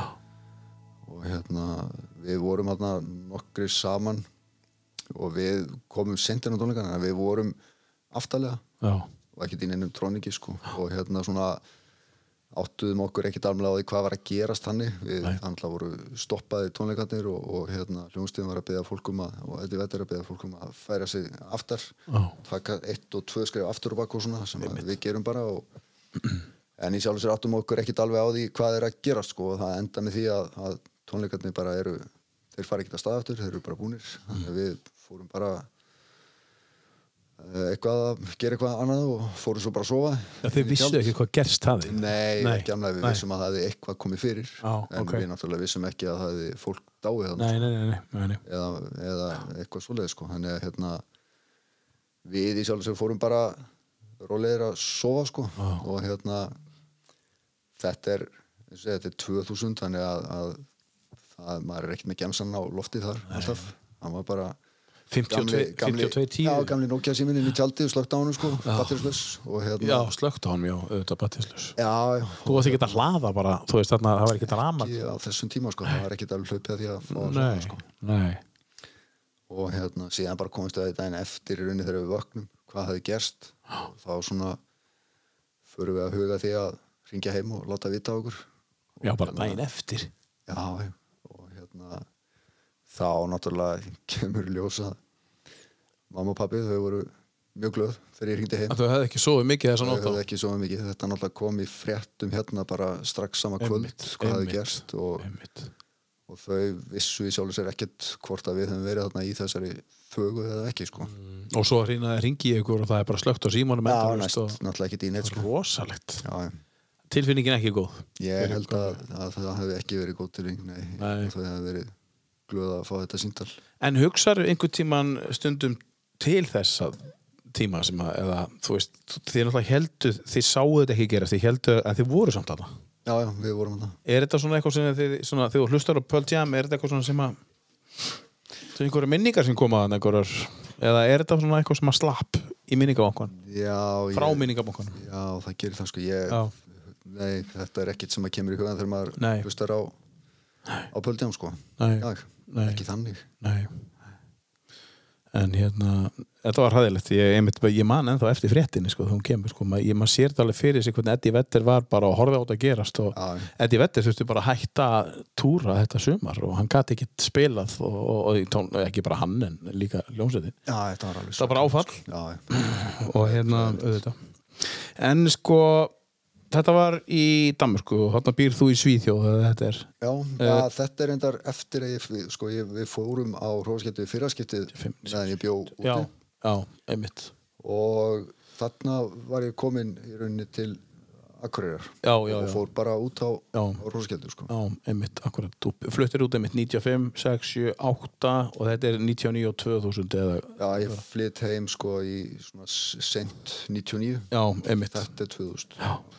Hérna, þegar þið hjónin og fjölskyldan ferðist eru þið innanbæjar eða inn- innanlands eða eru það að ferðast ellendis og hvert farið þið þó svona helst eða er það borgarferðir eða sólin eða Það er svona aðeins mismunandi það er sko, náttúrulega eins og allir aðrir þá var þetta innanlands í COVID og, og svona eftir það kannski höfum við aðeins verið að fara meira kannski innanlands en hérna en annars höfum við verið að fara til útlanda náttúrulega líka eins og aðrir og hérna, þegar við höfum farið með krakkana þá er þetta nú yfirleitt bara til eitthvað í sóluna sko Já, já Eh, fórum reyndar með krakkana og, og hérna fóreldra mína og, og tengdamóðu til Hollands þarna fyrir nokkrum mánu síðan sem var mjög skemmtilegt Hérna Já, þau fóru með Belgíu- þarna. Já, Já. þá vorum við í, vorum fyrst í Belgíu í viku og svo í Hollandi í viku Mm. það var mjög gaman Mhm. það var reyndar, var hitamett sett þarna það var yfir 40 stið hiti þegar við vorum í Belgíu engin loftkjæling í sumabústað Hvernig var það? það var ekkert spes sko Nei, það er Ja, nefnilega þetta var, þetta var fínt þú veist, það var- Já, já. maður svaf ekkert sérstaklega Nei, en öðru leiti var þetta þú ert ekki með sængina yfir eða ekki mikið nei, það var ekki mikið En þegar þið bjökuðu þarna úti var, var, þú veist, í Hollandi var, var mikill hitti e, Þú veist, eða var þetta svona þægilegt þið eru í söður sko, sko fyrsta sumarið sem að við vorum hana þá var í rauninni bara 30 pluss sko tvo mánuði streitt Já, já, já.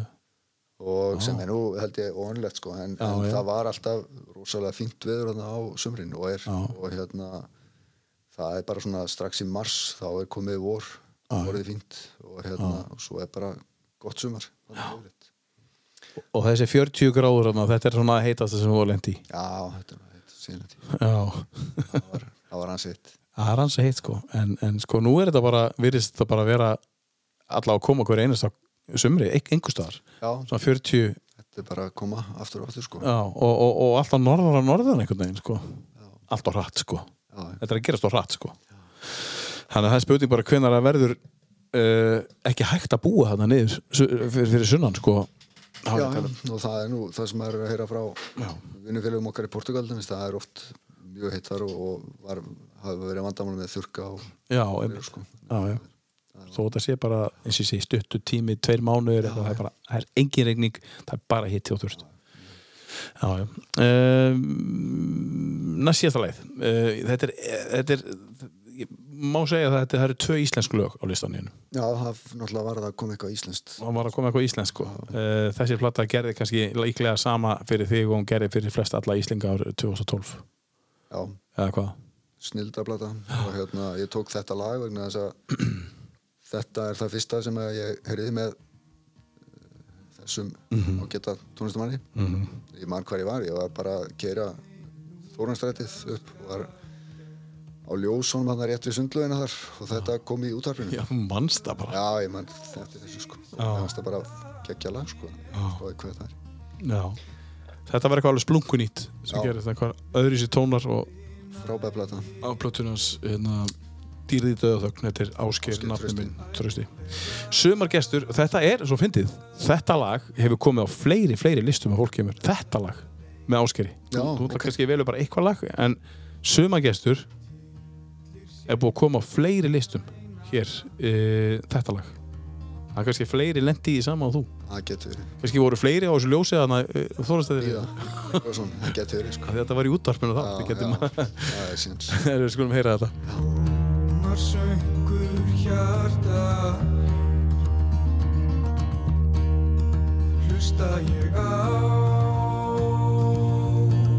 Lífsins ævintýr Þú sé þakka fuglinn minn Fyrir gleði og skapinn Þessa ljúfu tæru tóna, tóna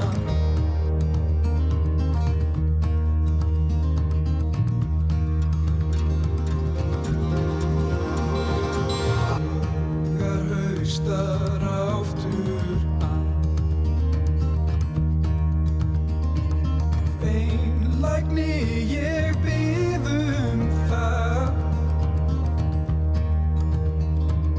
Mega syngja söngin þinn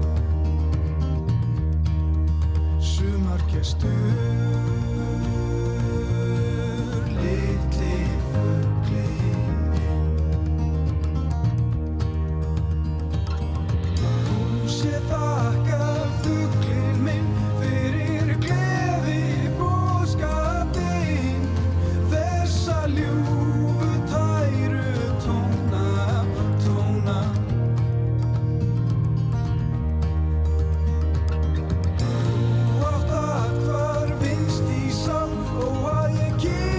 Ég, ég ætla að spyrja það aftur eins og ég spurði þig um sko uh, áðan þegar að uh, hvort þú farir á einhvern ákveðin stað, þú heyrir eitthvað ákveðin lag ferðu upp á þórnastrætti hérna á ljósið þú heyrir þetta, Já Ég ætla að man alltaf hvar ég var Þegar ég Já, heyrði þetta fyrst sko svolítið magnað. Þegar ég heyrði þetta lag Já, sko þegar maður mann þa- þá er eitthvað að ná manni já, já þá eru allavega einhverja stórfilm það vita allir hvað maður var þegar maður heyrði 9-11, þú veist, það vita allir hvað maður var þú veist hvað þú var þegar þú heyrir þetta þannig að þetta hefur greinlega náðir sko. Já, já, það er hendar sko oft þetta er eitthvað svona hlustunar tengt sko að hérna ég man oft þegar ég heyri lög eða, eða hérna ef ég er að hlusta á kannski bók aftur sem ég hef hlustað á áður að það kannski komið kaplar ég man hvar ég var þegar ég heyrði þetta síðast sko magnað það er eitthvað sem að Já. tengir þar skrítið uh, lestu bækur Ég gerði það, uh, já ég les, um, ekki eins mikið eins og ég ætti að gera, en ég gera það á Kindle.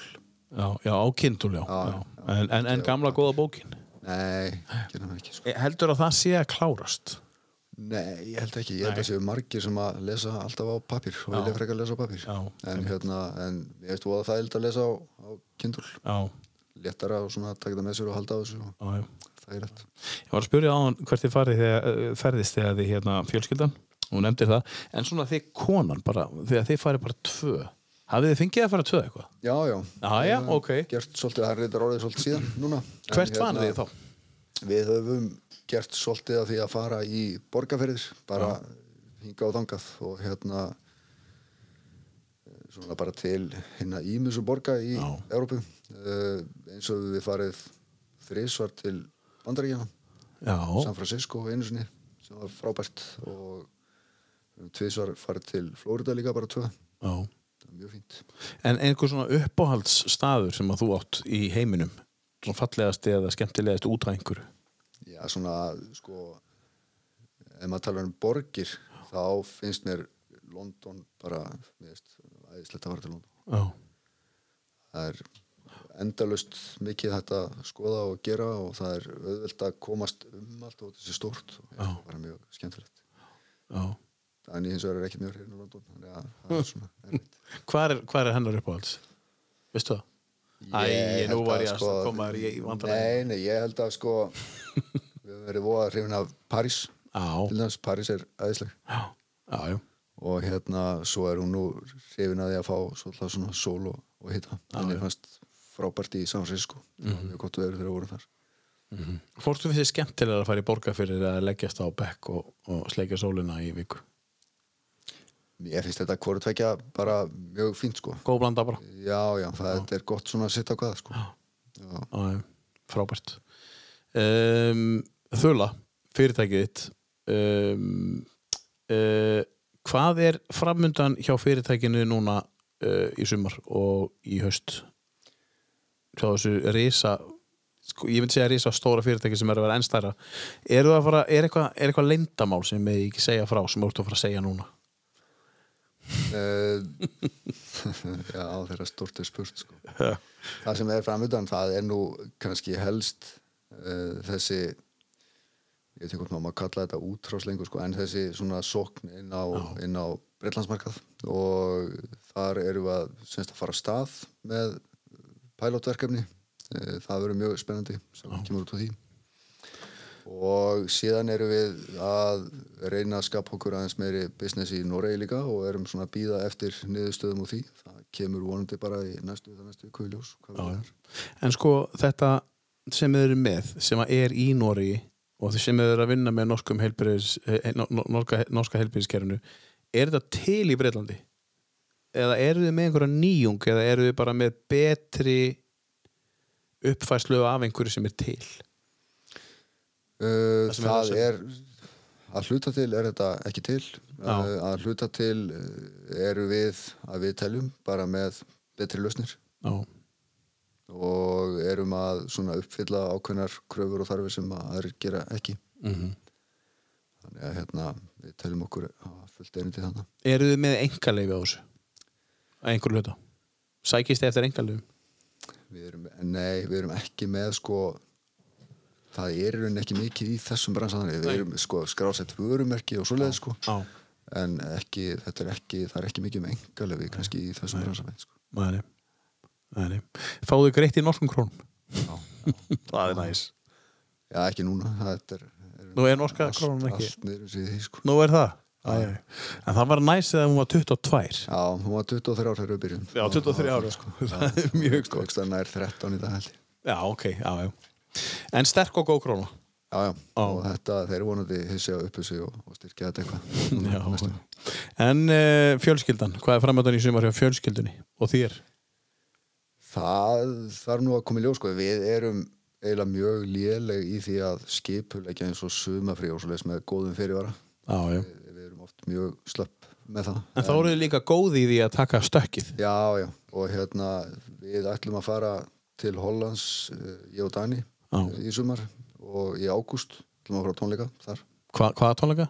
eh, Placebo Já, já Það er eitthvað svona- Placebo, eins og eitt sagði Já, en ég hlustaði mikið á það ég er hlustað á það í gamla dag en svo sem hef ekki hlustað á það í 20 ár cirka, Nei, en nei. það verður gaman að tónleika þar. og svo sjáum við til hvort að við reynum að komast eitthvað með, með krakkana líka Og, og, og einhver, einhver svona, eitthvað sérstætt eh, Bara eh, einhver sérstættur staður sem að þið grunar þið sé að fara á með fjölskyldunum Eh, eitthvað í sól held ég bara kannski en það þarf að koma í Já, ljós. já, já eins og það er skráður í langt sumafrí núna í, í fyrsta skipti fimm vikur Frábært þannig að sjáum hvort ég lifi Þú ert ekki búin að skráða inn eitt laup, þannig að ég ætla að beða um að gera það þá ekki. ég er ekki búin að því Taka frí. Þetta er placebo, en þetta er ekki á listaneginu. Þeir komast ekki þar inn. Listanum. Nei. En þú ert að fara að hlusta á þetta í, í ágúst. Já, Já. það er fínt að, að laumaður þessu inn fyrir Daniel sko, hún hlusta mikið á það Hún lustar mikið á Placebo Á hverju við ætlum að enda hérna ægir uh, í dag? Hver? Við ætlum að enda á honum Jónasi sig. Já, það er Jónas maður Þetta er, ég hef hlusta mikið á hann Já. hérna, það er gaman að fara á tónleika á honum til dæmis. Ertu mættur á græna bara um leið og hann kemur? Eða ertu svona Já, við höfum reynda að, að ná honum sko, við hérna, fórum nú ekkert hérna á Gamla Bögg á Húsæk Já, tónleika með honum, Já. það voru frábæri tónleikar já það er, það er, Hann er bara frábær á tónleikum já, já, hann er magnum, sko. Alltaf sé ekki bara frábær gæi ég held að þetta sé toppmaður jú. Ég er að reyna að fá hann í þennan stól sem hún Já, situr í sko. já. Það er bara erfitt að ná hann sko. já, ég trúi því Veistu hvað hann býr? Er hann ekki ekki staðar, hann býr ekki í Reykjavík eða?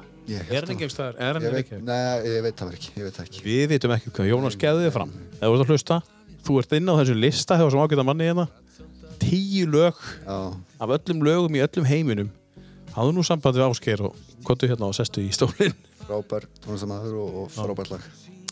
Herðu, Ægir Öll Leifsson hjá Þullu og uh, hérna, það er búið að vera frábært að fá þig Takk fyrir að koma í tíu bestu Takk fyrir mig.